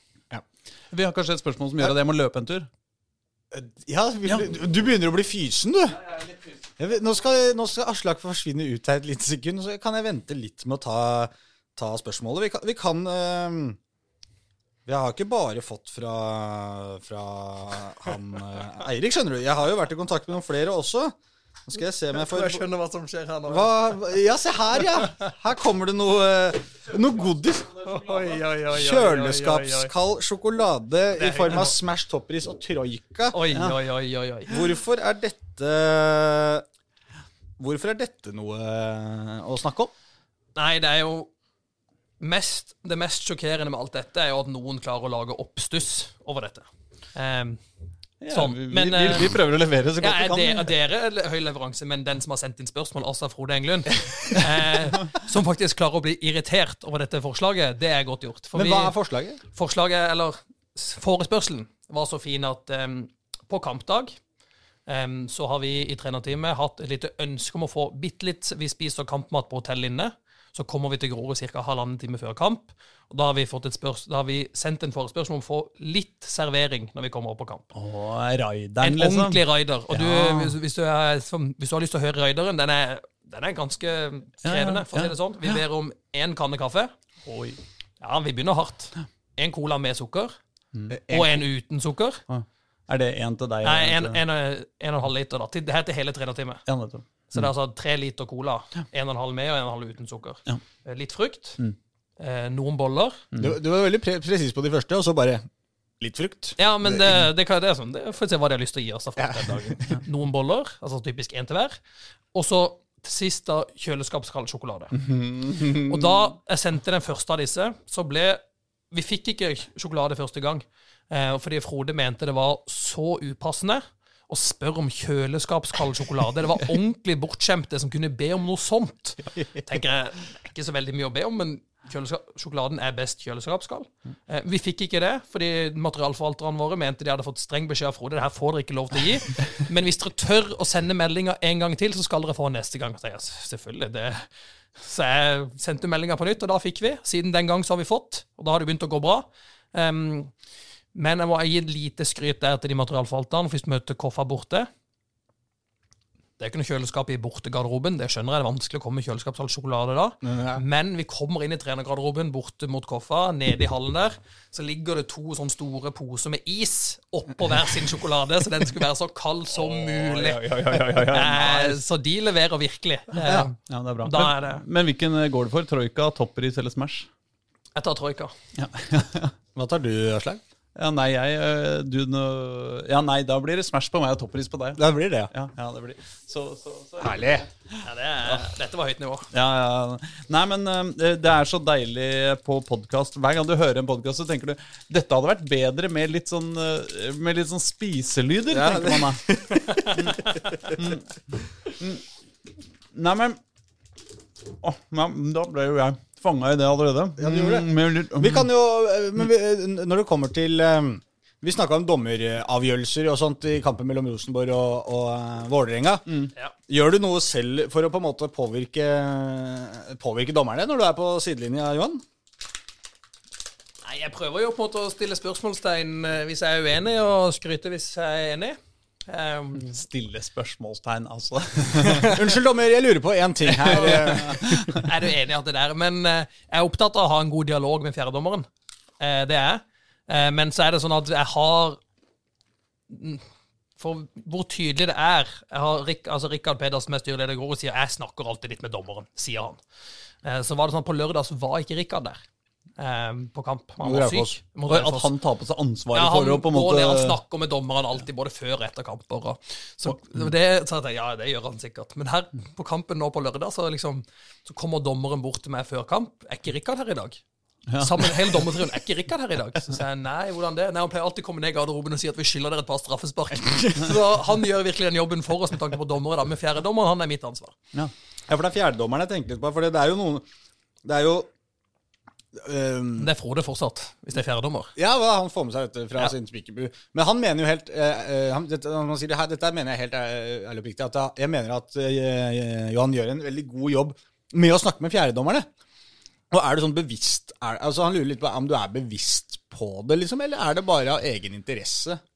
Nei, men det er klart, jeg er jo omgitt av mennesker på benken min og spillere på benken som skriker og kan gjøre fjerdedommere litt frustrert. Um, så da skulle ta de litt i forsvar og ha en god tone med han gjennom litt glimt i øyet, um, så er det på en måte litt min jobb for å kunne ha en god tone. Hvis vi får fjerdedommeren mot oss, er det veldig tungt, for da får du enda mer Hver gang du da åpner munnen, så er det på en måte tilsnakka, det blir litt sånn støy. Ja. Men å få en god tone med fjerdedommer, og selvfølgelig da et håp om at han da skal påvirke videre til å hjelpe oss, men at vi i hvert fall ikke Vi blir ofte Vi føler ikke at vi har dommerne med oss over en sesong, for vi er små.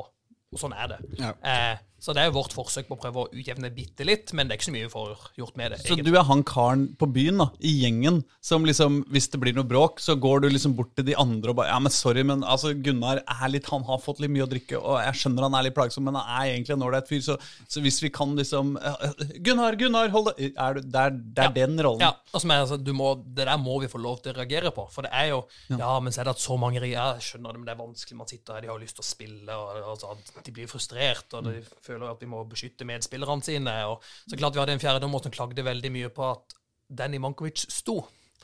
For han trives jo best med å stå, Ja. og det er ikke så gode benker på Grorud, så det kunne vi godt bytta ut, men det får bli en annen sak.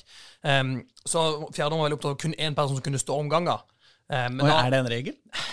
uviss eh, praktiser, ulik praktisering, i hvert fall. Ja. Eh, men da sa jeg jo til han at hvis du, hvis du, hvis du snur den og sammen med og ser på Danny Mankovic Han får jo prolaps bare med tanken på å sette seg ned.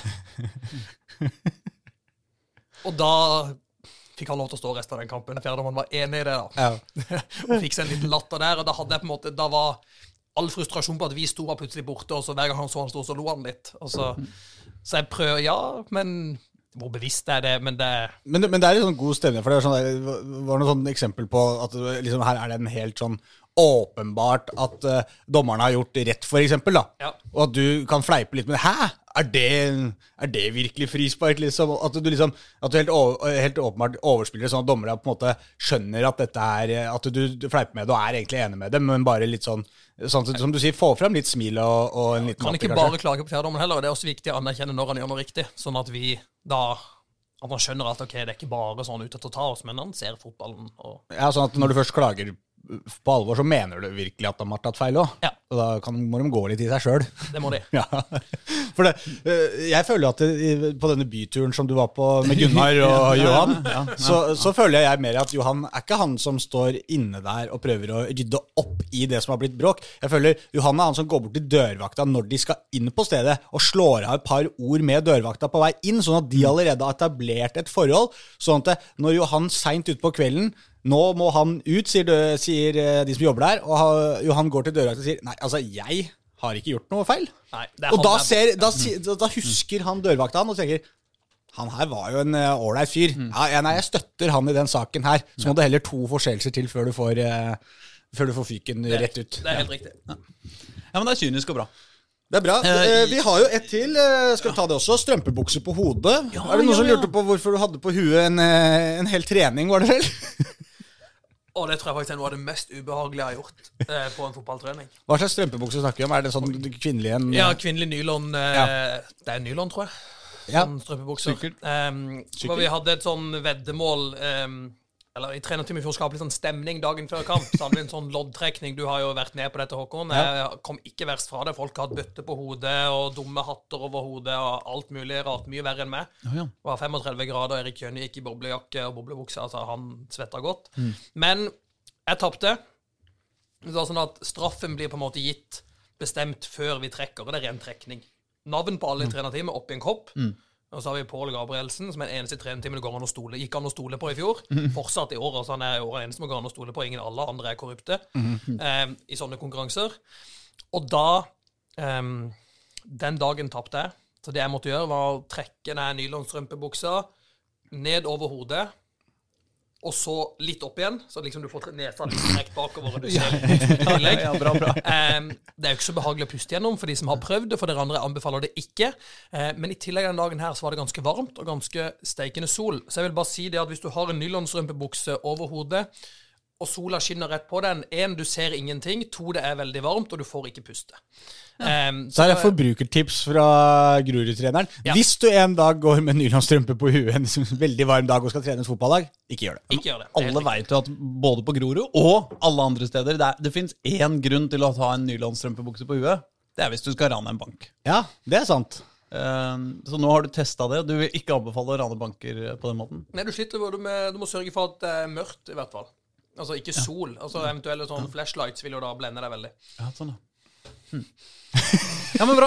Uh, altså, jeg er veldig gira på å, å, å eh, på en måte oppsummere den serien litt. Eller ikke oppsummere, da, men, eh, men vi, altså, nå er det et år siden Grorud Underdogs uh, sin siste kamp snart. Uh, holdt jeg på å si. Og jeg tror det er mange der ute, ikke minst meg sjøl, som, som lurer på Som lurer på åssen det går. Eh, med, med, med forskjellige karakterene der. Altså, vi veit jo hvordan det går med Eirik Kjøne. Han har eh, forlatt Grorud og stikker med halen mellom beina Ja. til, til Eliteserien. Eh, Det er greit. Vi veit at Oskar Aga har signa for Elfsborg, men eh, trossig og stolt eh, tar en siste halvsesong. Og det samme med Christos Safaros, bare i Haugesund. Um, og så har vi jo også Martin Høiland, var en eh, viktig karakter. Åssen går det med han? Han valgte jo til slutt å eh, stikke med halen mellom beina til Eliteserien, han òg, til Stabæk. Ja, stemmer det. Det var jo tidlig, det. Det Ja, det var jo- den første signeringa det Ja, blant de første Erik gjorde her i august. Ja. Um, så Martin hadde vi med oss en halv sesong, ja. før han også stakk der med halen mellom beina til em, Det er finere på andre sida. Ikke Og- sant? Be, mer penger og Ja, det håper jeg. Ja. Men det Så han har jo dratt. Ja, han har dratt allerede, og han tok ikke en siste halvsesong eller noe som helst. Ja, han tok på en måte det, Han holdt på å dra før sesongen starta. Eh, rett før sesongstart. Men der fikk vi det til sånn at han ble i hvert fall en halv sesong Ja. før han dro videre. Og så har vi altså Faisal Ahmed, eh, til 33-åringen, som eh, er sånn eh, farsfigur i, Ja. eh, i serien. Er han fortsatt eh, farsfigur? Han er fortsatt farsfigur. Han, serien viste jo en operasjon han tok, som han er ikke blitt helt bra ennå. Begge beina Ja, begge leggene og begge beina. Ja, nei, er leggene er blitt bra, men føttene blir ikke helt bra. Um, så Faisal er med på trening én til to ganger i uka, uh, men blir ikke helt frisk. Men det er klart han vinner stort sett når han er på trening. Um, men han klarer ikke å spille fotball på et høyt nok nivå. Tenker nok litt på han, om han skal prøve en ny operasjon eller ikke. Men det, Og det er veldig synd, fordi som Faisal forteller om i historien, alt han har lyst til, er å spille på en måte en Oslo østklubb opp i Obos-ligaen. Og når først han klarte det og var med på det, så i fjor kunne han ikke bidra på sitt beste. Han hadde bare 10-15 minutter i seg. Og heller ikke i år, så han får på en måte ikke oppleve det nå. Um, som på en måte er synd når han har holdt på så lenge for å klare det. Ja. Men han er til stede i garderoben han er til stede på treningsfeltet og bidrar alt han kan for at vi skal gjøre det så bra som mulig. Betyr det at han er en kar som du ser for deg får en rolle seinere i klubben, eller et eller annet sånt? Eller hva? Faisal er helt klart en som kan bli en, eh, rolle i et trenerteam, være trener i Grorud i framtida. Han er, jobber jo som, har jo starta på sin egen trenerkarriere sjøl i Kristiania ballklubb Ja. eh, i fjerdedivisjon. Um, så det er nok han noe han tenker på sjøl også, som jeg tror han kunne vært god til. Men det er klart han, han er viktig i vårt miljø. Det er han. Og siste er jo eh, selvfølgelig stjerna sjøl, Omar Bulli. Ja. Eh, Bulli. Eh, Åssen eh, eh, går det med han i Han var, er- var pur ung, massetalent. Eh, ikke så skoleflink, kunne man få inntrykk av. Og uten at det helt ble sagt veldig direkte, så, så var, det- lå det vel under at eh, her hadde det vært noen episoder både her og der, sikkert, med, med, med Omar. Ja, det har det vært opp gjennom oppveksten hans, men samtidig det er en fantastisk fin gutt. Eh, men han slet en del med skader i fjor, og spilte en periode på høsten. Eh, så var det en ganske god sesongoppkjøring før han fikk en ny skade rett før sesongstart. Eh, men han har vært i gang i det siste og vært god for oss. Hadde jo skåret et fantastisk mål mot Lillestrøm, var veldig god mot Ullkisa. Og vært god i det siste, men han måtte gå av med skade en i en 50-50-duell i Raufoss sin boks, så får han en liten sånn overstrekk ned i foten. Eh, men jeg tror ikke det er alvorlig, så jeg håper han straks er tilbake. Eh, for han ser bra ut for tida. Er det fortsatt sånn at vi, eh, at vi håper at eh, Omar eh, kommer til å få en stor, stor karriere? liksom? Ja, det, det er ikke blitt mindre det potensialet hans sa det siste året. Han er nærmere og nærmere å være en god fotballspiller på det nivået, eh, og være det stabilt over tid. Og så må han bare klare å holde seg skadefri. Og nå var han veldig uheldig, for det her er jo sånne der skader som alltid kommer på visse tidspunkt. Så vi bare håper at den er så liten som mulig, den smellen, sånn at han kan bidra igjen så fort som mulig. Dere har jo altså solgt eh, ekstremt mye spillere, egentlig. Ja. Eh, til opp eh, Altså nå, men, eh, ja, nå greier ikke jeg å telle i, i huet, men det har i hvert fall vært en fire-fem spillere som har gått til et betraktelig høyere nivå enn dere eh, på de, bare de siste par åra. Siden sommeren i fjor så har vi solgt Elias Hagen med sommeren i fjor til Bodø-Glimt. Så Ja. solgte vi Leo Kornik til eh, Djurgården i januar. Em, så solgte vi jo Martin Høiland Ja. nå i sommer til Stabæk. Og så har vi solgt Kristos til Haugesund etter sesongen. Eh, Eller han er solgt nå, er på lån ut sesongen hos oss. Og Aga i januar. Så det er jo fem stykker bare der. I tillegg til at før det hvis ikke Oliver Edvardsen fra oss til Stabæk, så er det på en måte seks stykker da på de siste to og et halvt årene. Ja. Um, og det er ganske mange. Hvem er den neste?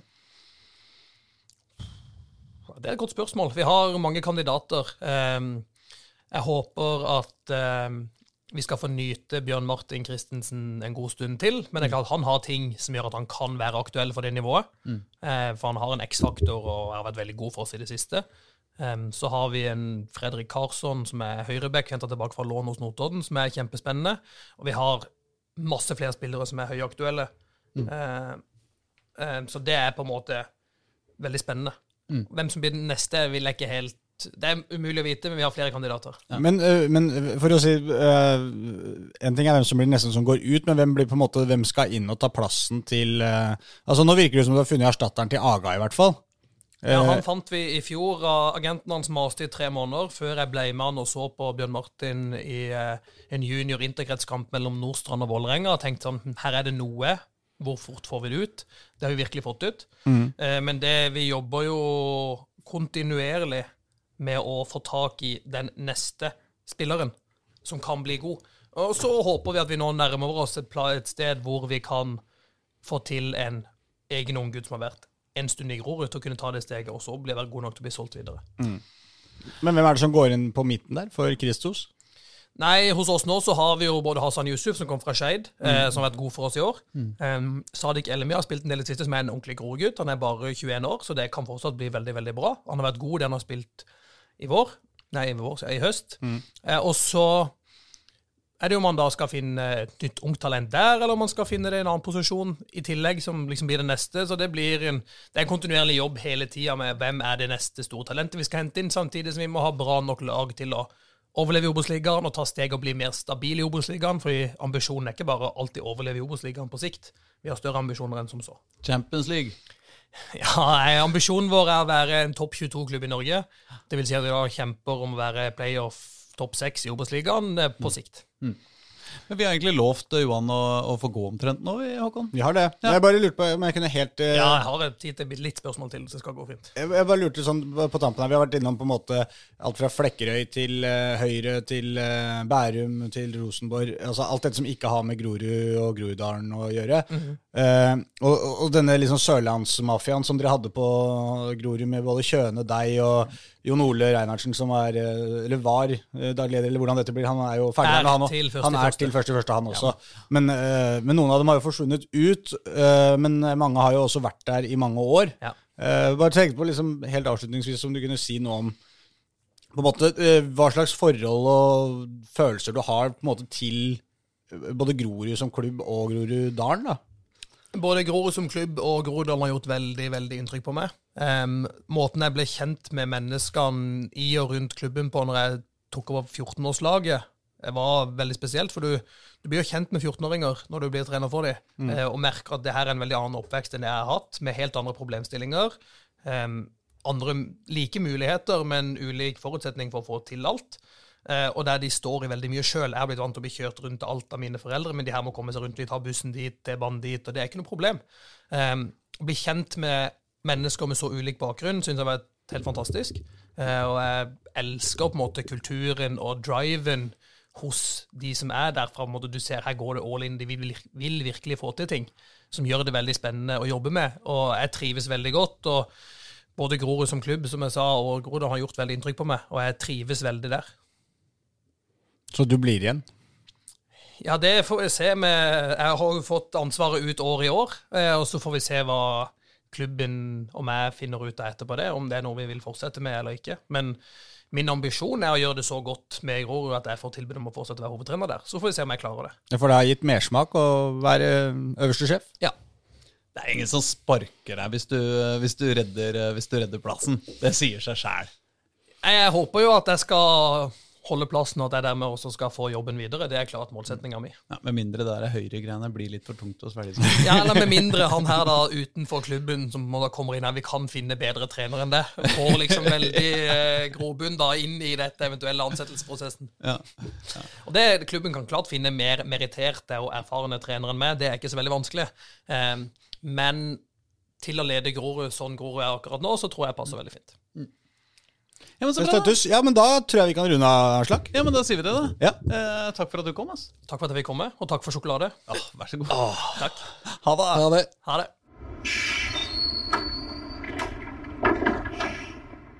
Og da er vi tilbake her fra studio, Håkon og Pål. Eh, Går det fortsatt fint med dere? Det går fint. Ja, går bra med deg, vi trenger vel kanskje ikke å ta det her på direkten, men Men det går... Hvis vi, du kan gråte litt på skuldrene mine etterpå, men ja. det er ingen grunn til å gråte over denne uka i Oslo-fotballen. For det, det har jo vært uh, en masse seire og glede og tårer og eh, lok og alt mulig. feiringer og breiale feiringer og breiale mål og Breiale mål og Absolutt. Jeg lurer på om vi skal begynne med den eh, største seieren av dem alle, eller? Bare for enkelhets skyld. Uh, Vålerenga damer 8-0 mot Arna-Bjørnar. Det er sånn det skal være når Oslo-klubber eh, reiser til Bergen. Ja. En masse helt strålende mål. Langskudd, direkte skudd fra utafor 16-meteren. Eh, det var deilig. Uh, Største seieren til Vålerenga i, toppserien. Noensinne. Noensinne. Det er ikke så lang historie, da, men, Nei da.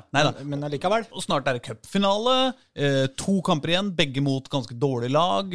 LSK har en kamp mot Sandviken igjen, så kanskje, kanskje, kanskje, kanskje Pål? Hva tror du? Tror du det kan bli noe eh, bronse på Ja, Vålerenga? de har jo Lyn borte også, og det har jo vist seg å være vrient. Ikke sant? Så nå har jo Lillestrøm da altså har det. Ja, nå har jo da Lillestrøm gjort det til eh, en vane å hente absolutt alle spillerne som noensinne har spilt bra for Lyn. Ja. Så det kan jo være en utfordring på Lyn, for Lyn på sikt. men eh, men eh, absolutt, Lyn kan jo slå LSK i en enkel kamp. men selvfølgelig så må jo Vålerenga satse på Sandviken i siste serierunde. Eh, og der kan jo alt skje. Taper Lillestrøm den, så blir det jo gull. Nei, gull. Bronse blir det ikke. Tok en blir brå vending. ja. Aldri gi opp håpet. Sandviken bare melder seg ut. Nei, Ja. Vi er flaue over det her, så nå trekker vi oss for Ja, ligaen. vi fortjener ikke gullet etter å ha tapt eh, mot Lillestrøm. Men det er klart at Sandviken leder jo serien nå med fire poeng, så de kan jo risikere å ha uh, innkassert gullet allerede før den siste kampen mot LSK, så det kan slå Stor sannsynlighet for det, for de møter, Klepp hjemme. Og Klepp er desidert bunnlag, så det skal vel mye til. Ja, Sannsynligvis har Sandviken har lagt inn en sånn liten dårlig periode, så de kan færre på hjemmebane. Ja, Rutinert. eh, god idé. Ja. Uh, Eliteserien har uh, vi et fotballag. Uh, Vålerenga heter det. De spilte 1-1 borte mot uh, Rosenborg. 2-2. Det ble 2-2, ja. Ja, det ble 2-2, eh, men jeg mener 1-1 i hver omgang. Ja. der, der, der. Der. Eh, og med masse knall og fall og dommerskandaler og alt mulig. Men dette har vi altså snakka med Johan Jønnes Nilsen om, så det gidder vi ikke snakke mer om nå. Nei, dere har fått fasit der, tror jeg. Nei, det tror jeg ikke. Nei, kanskje ikke fasit, men Fasit er eh, Oi, det, det, Nå får vi Nå fasit. får vi fasit. Ja. Sant? Det er jo eh, Egentlig så er jeg enig i altså den, den eneste situasjonen som kunne vært sånn 50-50, er den dytten på Fredrik Oldrup Jensen. Det er en sånn ting som VAR heller ikke har gått inn og sett på. Og det er sånn 50-50 om, det- om det blir dømt eller ikke. eh, før 2-1-målet.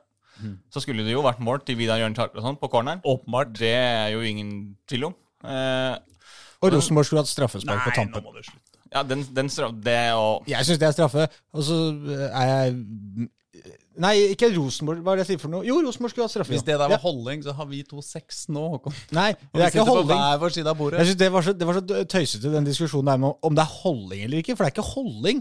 Det er helt åpenbart ikke holdning, men han setter jo ut armen og sperrer den. ikke sant? Og han løper jo i den, og da blir han dratt ned. Ja. ikke å ta, alle sier at ikke han tar tak i drakta på den, for det gjør han ikke. Det er ikke Flonaldo i 98 i VM mot Brasil. Hadde vi vært på TV nå, gutter, skulle jeg demonstrert dette. Skulle Aslak få lov til å løpe, så skal jeg sette ut armen og så se om han faller eller ikke. Det hadde vært veldig Vålerenga burde ha vunnet kampen, det kan vi være enige om. Som en Ja, Oslo-fotballpodkast. Altså, De burde ha vunnet uh, altså, ut ifra at de spilte en med en mann mer, men ikke sånn som kampen var. Fordi de, når de 45 minuttene så spilte de veldig dårlig i overtall. Eh, Han prøvde å si han skulle ha fasit, og så var det ikke fasit. i det hele tatt. Det var jo det. bare sludder.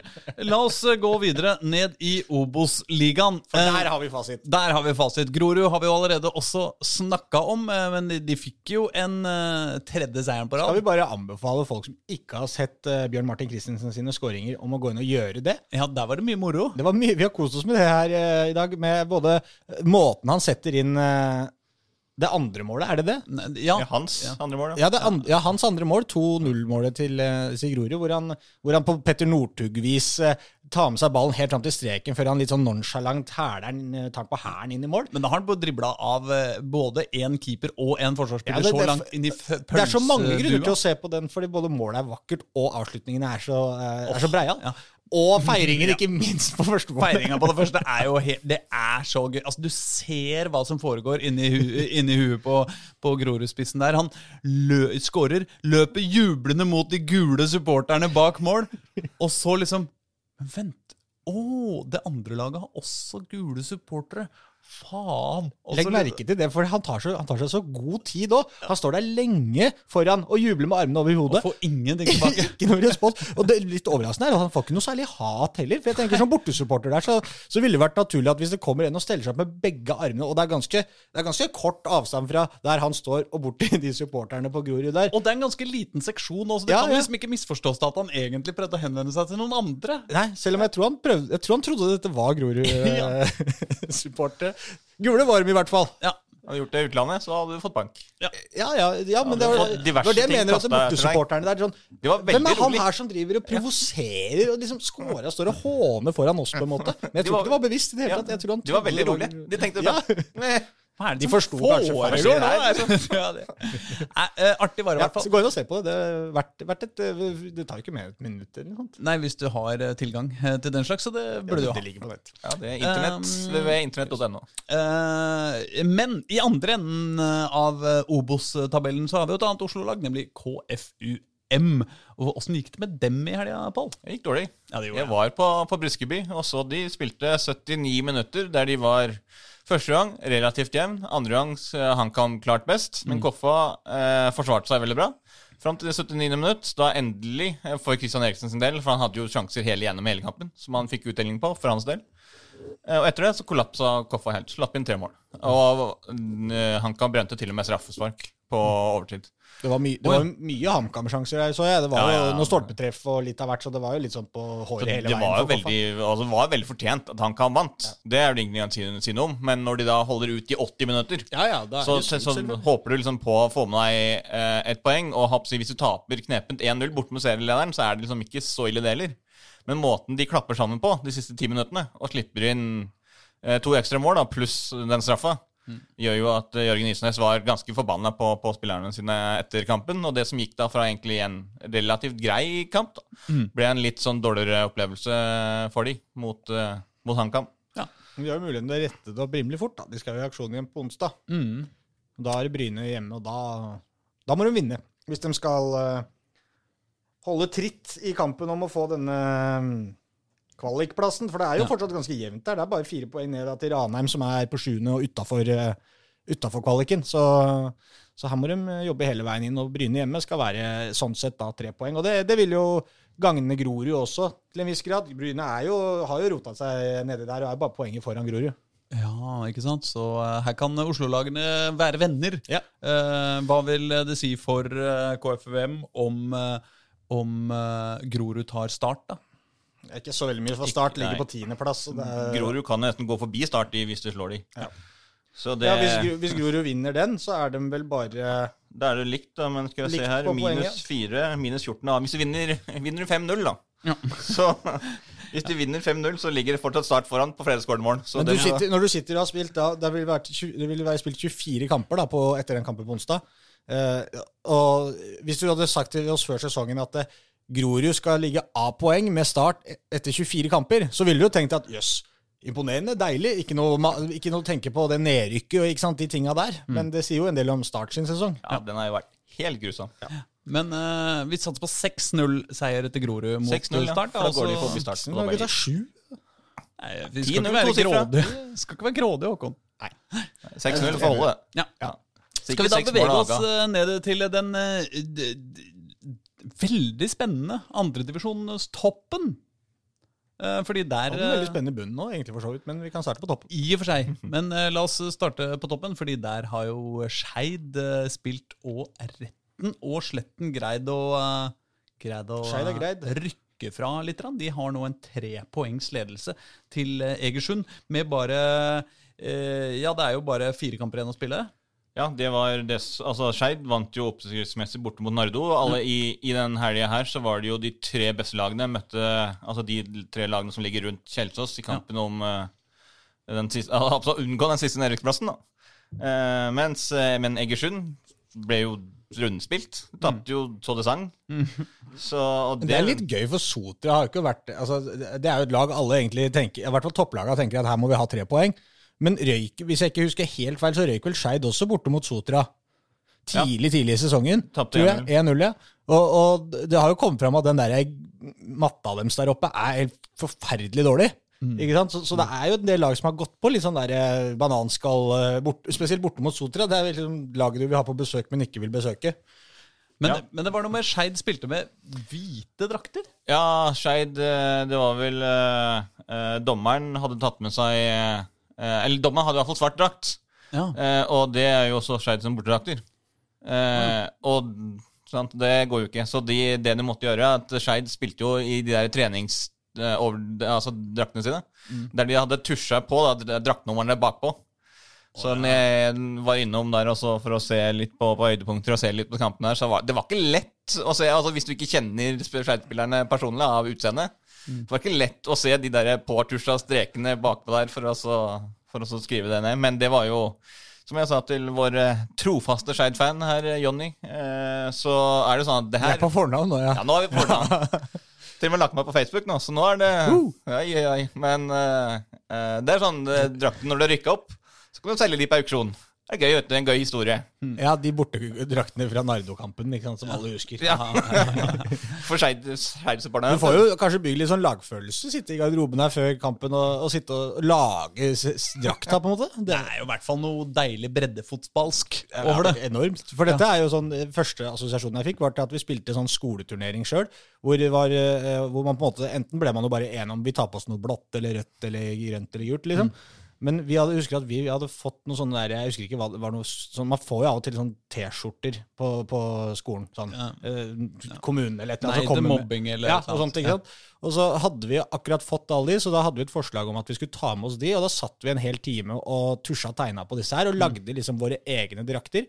Og vårt eh, eh, i utgangspunktet elendige lag, som var jeg tippa nord og ned i denne skoleturneringa, vi gikk hen og vant hele greia. Og vi la mye av skylda på at eh, den lagfølelsen vi bygde med å lage våre egne drakter, var, hadde stor betydning. Og kanskje det hjalp for Skeid òg, for de knuste jo Nardo, da. 4-0, var det? Ja, ja, det er 4-0, ja. Eh, To mål og én målgivende Abel Stensrud, som igjen viste sin verdi da, for, eh, for det laget her.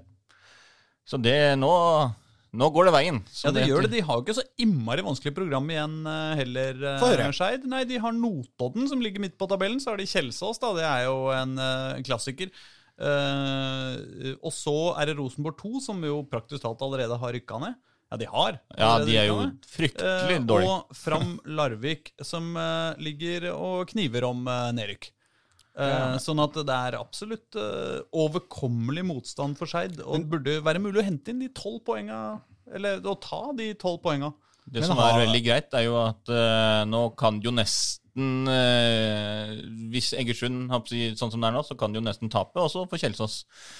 Uten at det altså, For det er jo sånn klassisk eh, scenario. Uh, Kjelsås-Skeid. Skeid kjemper om opprykk, og så er det bananskall der mot, eh, mot Kjelsås. Skåring på overtid eller en 3-3 eller sånt, så rykker eh, Kjelsås ned, og så går ikke Skeid opp. Sånn, det kunne vært den verste tenkelige utfallet i, i den kampen, men nå er det liksom kanskje ikke så mye stress. Nå skal det jo sies at Egersund også har Fram Larvik, Rosenborg 2 og Notodden i eh, sine fire siste kamper. Men eh, til gjengjeld har de Arendal som sin aller siste. Og eh, Arendal er jo et uh, godt lag. De ligger på Men, ah, men problemet med Arendal kontra Var det Fram Larvik Skeid her i siste? Eh, ja.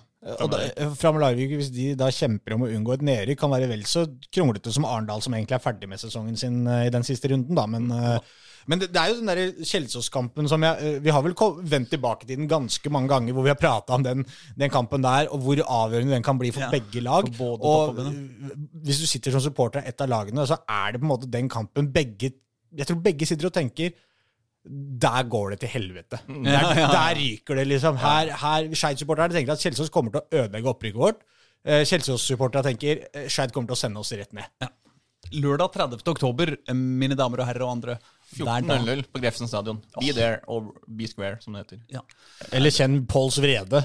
Ja, det også. Eh, Pauls først, Vrede er også eh, faktisk kapittel eh, fire i Edda. Eh, først så skal jo Edda. Skeids hjemmebane er jo Nei, det er Heimskringla, det greiene der? Nei. Det er eh, Ja. Pål som er historikeren. Yngre Edda. Nordre Åsen. Ja. Fortsatt under eh, reparasjoner, som det heter. Mhm. Så det er eh, på Jeg håper i skrivende stund, som vi hadde på skrive, eller snakkende stund, som det vel heter, mm. så er det fortsatt ingen som veit hvor eh, den kampen eh, skal bli spilt mot Notodden. Det er ganske gøy, da. Så det er det bare å vente og se. Plutselig så dukker det opp med en uh, fotballbane nær deg. Ellers er det verdt å nevne at uh, Skeid har fått et uh, endelig nei fra kommunen i deres, til deres drøm om å få Nordre Åsen i presang. Eh, for de hadde jo et eh, stort, eh, en st store planer om at de ville få Nordre Åsen, og så ville de bygge leiligheter, selge leiligheter og bruke penga til å oppfriske anlegget. Men det har kommunen sagt nei, til. eh, som du kan lese mer om i Dagsavisen. Så det er fortsatt bare Vålerenga som får avis. Fortsatt bare Vålerenga som får Og så skulle vi videre til divisjon nummer tre. Skulle vi ikke det, da? Sutrekopp. Innom Kjelsås. Kjelsås. Litt, uh... verdens beste avis. innom Kjelsås litt først, før Ja, du avsporer til, uh, fra Vålerenga. Mens du avsporer fra Vålerenga. Hva da? Har trikken La oss gå til Kjelsås. Til Kjelsås. Hvordan Ja. ligger det? Hvordan, eh, de, de greide seg en eh, liten, eh, aldri så liten seier, gjorde de ikke det? Ja, det var en klasseseier og hjemme mot eh, Vard Haugesund. Mm. 3-1 der. eh, Midtskogen, Paintsill og helt på tampen Ola Bjørnland. Meget viktig seier, spesielt da med tanke på at Sotra også slo til med den, den seieren sin. Så nå er det Og Deilig, deilig revansj, som jeg var inne på når vi snakka sist her. I og med at de røyk mot Vard Haugesund på så surt vis i serieåpninga, så var det så deilig å få satt dem på plass nå, fordi Vard Haugesund hadde så forbanna tur i den første kampen. Så nå er det tre poeng de har også å gå på, ned til eh, ned til Nardo da, for eh, de siste avgjørende kampene som eh, Kjelsås også har. Og de, de har jo eh, De har én kamp til gode pga. Mm. korona. Eh, det er jo mot Fløy Flekkerøy nå på torsdag.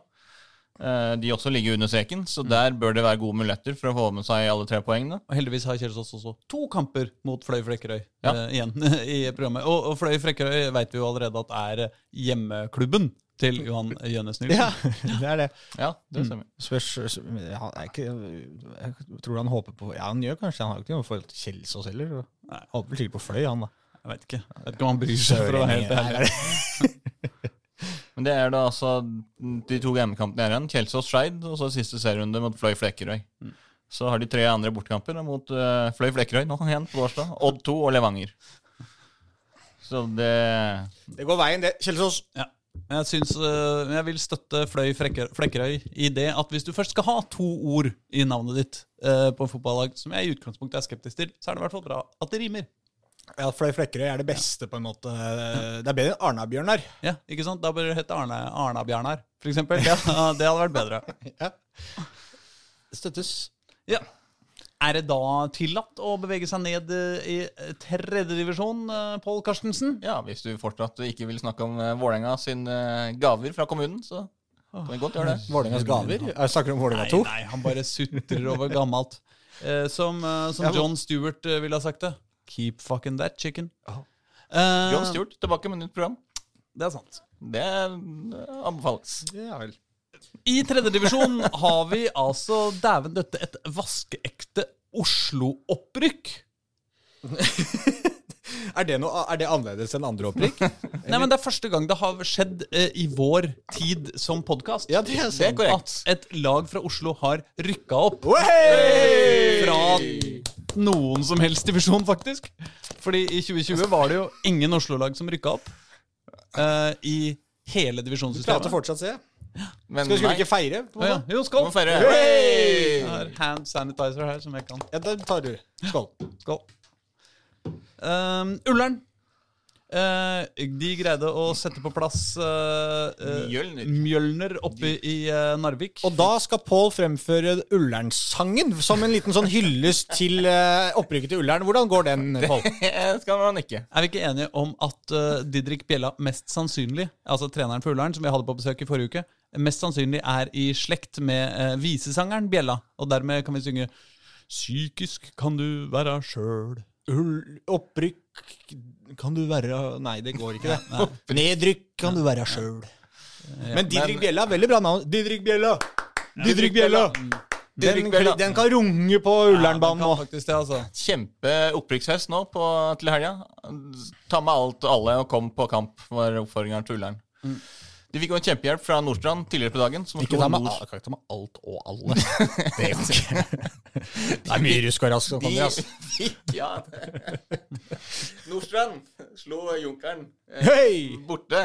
I, eh, og med det er jo de også har jo tatt en helt uventa vending og er kjempegode siste kampen. det er jo Ja, helt men er det uventa, det egentlig? Det- Det var jo mer uventa at de starta så dårlig. Ja, altså De starta fryktelig dårlig, Ja. men de har kommet seg. Og de eh, har nå fire poeng ned til, eh, til nedrykk. Så Kom det, ser, det gleder de når det er bare to kamper igjen. Det blir greit. Eh, Men det som var poenget med det, var at Ullern da bare trengte poeng borte mot Mjølner for å berge opprykket.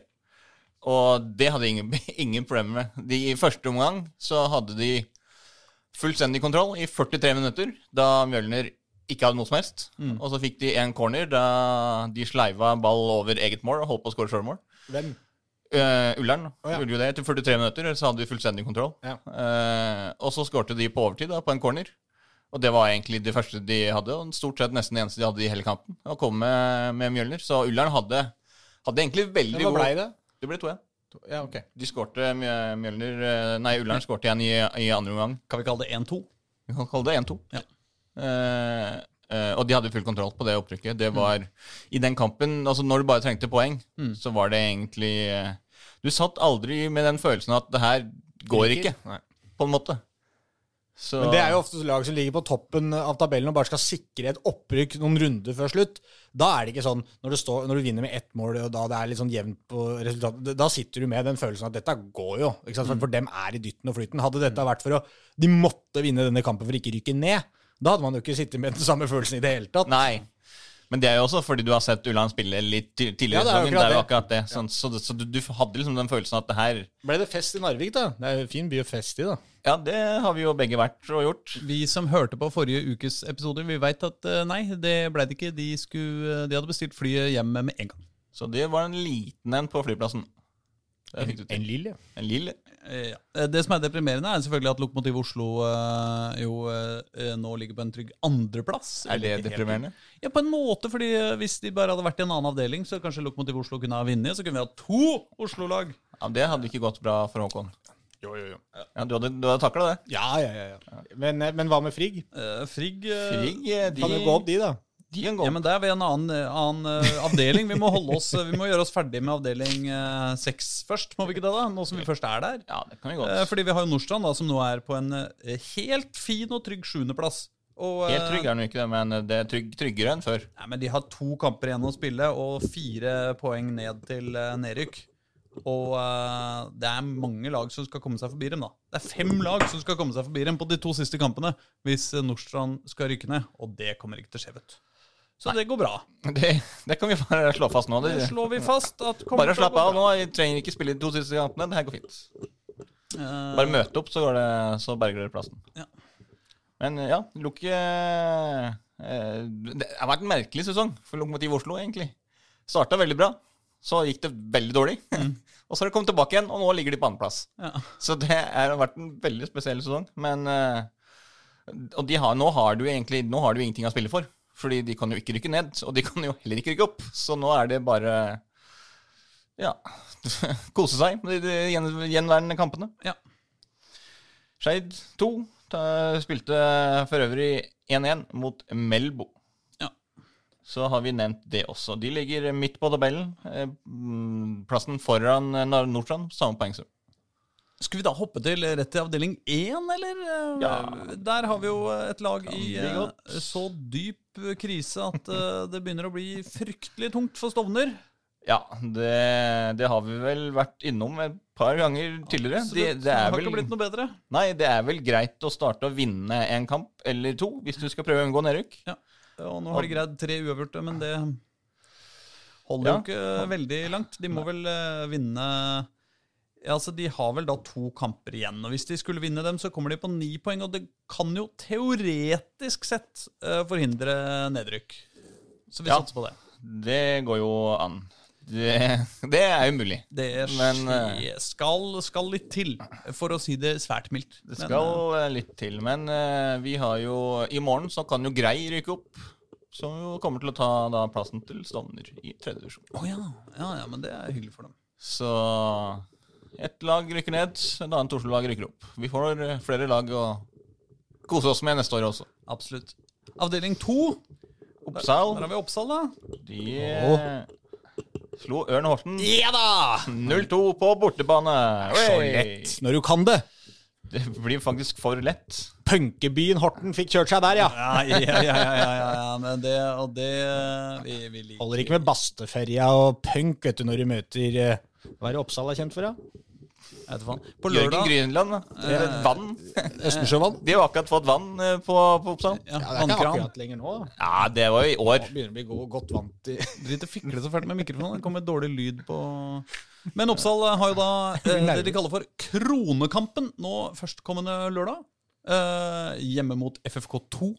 Så da blir du i trøbbel, eh, Håkon. Nei da, det blir Oppsal-seier. Eh, nei, eh, det betyr eh, at de skal samle inn eh, noe penger også. Eh, så det, det syns jeg alle som uh, er i nærheten av Oppsal på lørdag klokka ett, uh, kan jo ta, så, ta seg en tur til Trassopp kunstgress. Ja, ingen grunn til å ikke gjøre det. Nei, det, Nei, det må i så fall Det er sikkert mange grunner til å gjøre det, da, men det, Ja, det er det mange gode grunner til å gjøre det òg. I så fall å feire opprykket til Ull- Ullern, som spiller klokka to. ja, det ville være rart. Dra til Trassopp for å feire det. Ja, de kan jo dra til Ullern for å feire det, med andre ord. Ja, men da får de ikke gitt penger til Oppsal. Nei, det er sant. Men det kan de jo gjøre Du kan vips. Det er sant. Eh, I avdeling tre er det vel ikke et eneste Oslo-lag, hvis jeg husker riktig? Nei, og først bare slå fast at Oppdal Å ja. fortsatt ikke helt sikre, fordi det er jo tre lag der som har spilt en kamp mindre. Ja. Men eh, med to serierunder igjen, så stå på, og ikke tap, så går det fint. Påls oppfordring til Oppsal. Stå på! Og ikke tap. Og ikke tap. Så går det fint. Vi har lyst til å ha Oppsal med videre. Men da kan vi gå til avdeling fire. Yay. Og den eh, har vi jo eh, der, der ligger jo Frigg på topp. Ja, det gjør de. Og de eh, vant med tosifra de, i denne helga her, rett og slett. Det er verdt å, det er verdt å ta med seg. Det, er, det var eh, 0-0 etter en halvtime. 6-0 til pause. Var såpass, ja. Så det, det var eh, Seks mål på et kvarter er sprekt. ja, Svig. 13 minutter, eh, så gikk det fra 1-0 til 6-0. Så det Og så skårte de fem eh, Skulle revansjere? De fikk vel uavgjort sist, gjorde de ikke det? Frigg? Forrige runde, tror jeg. Ja, forrige runde, ja.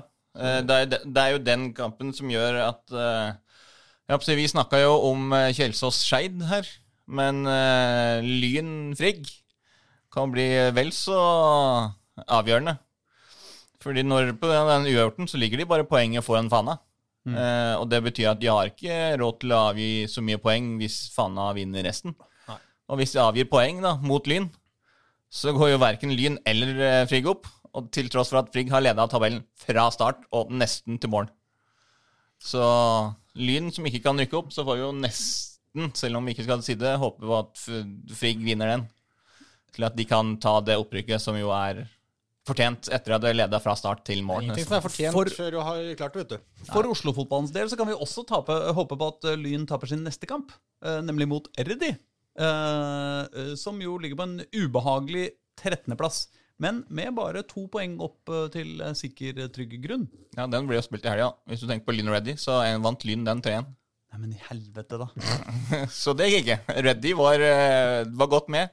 Men de eh, dreit seg ut på, på, på slutten der, litt sånn som du gjorde nå. Jeg trodde det var den som skulle komme, jeg.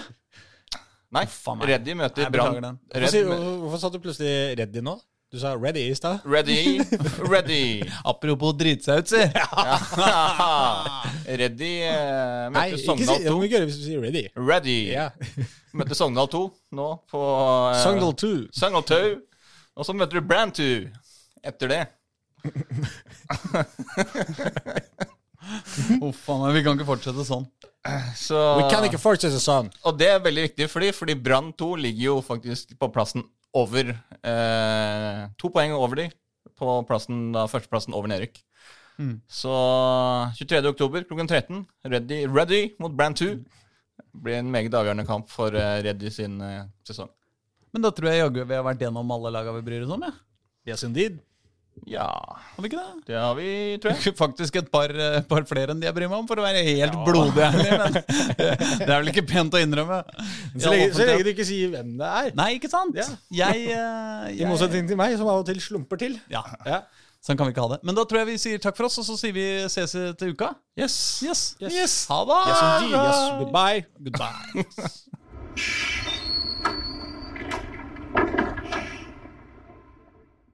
Du har hørt en podkast fra Dagsavisen. Ansvarlig redaktør heter Andreas Heen Haaland Karlsen.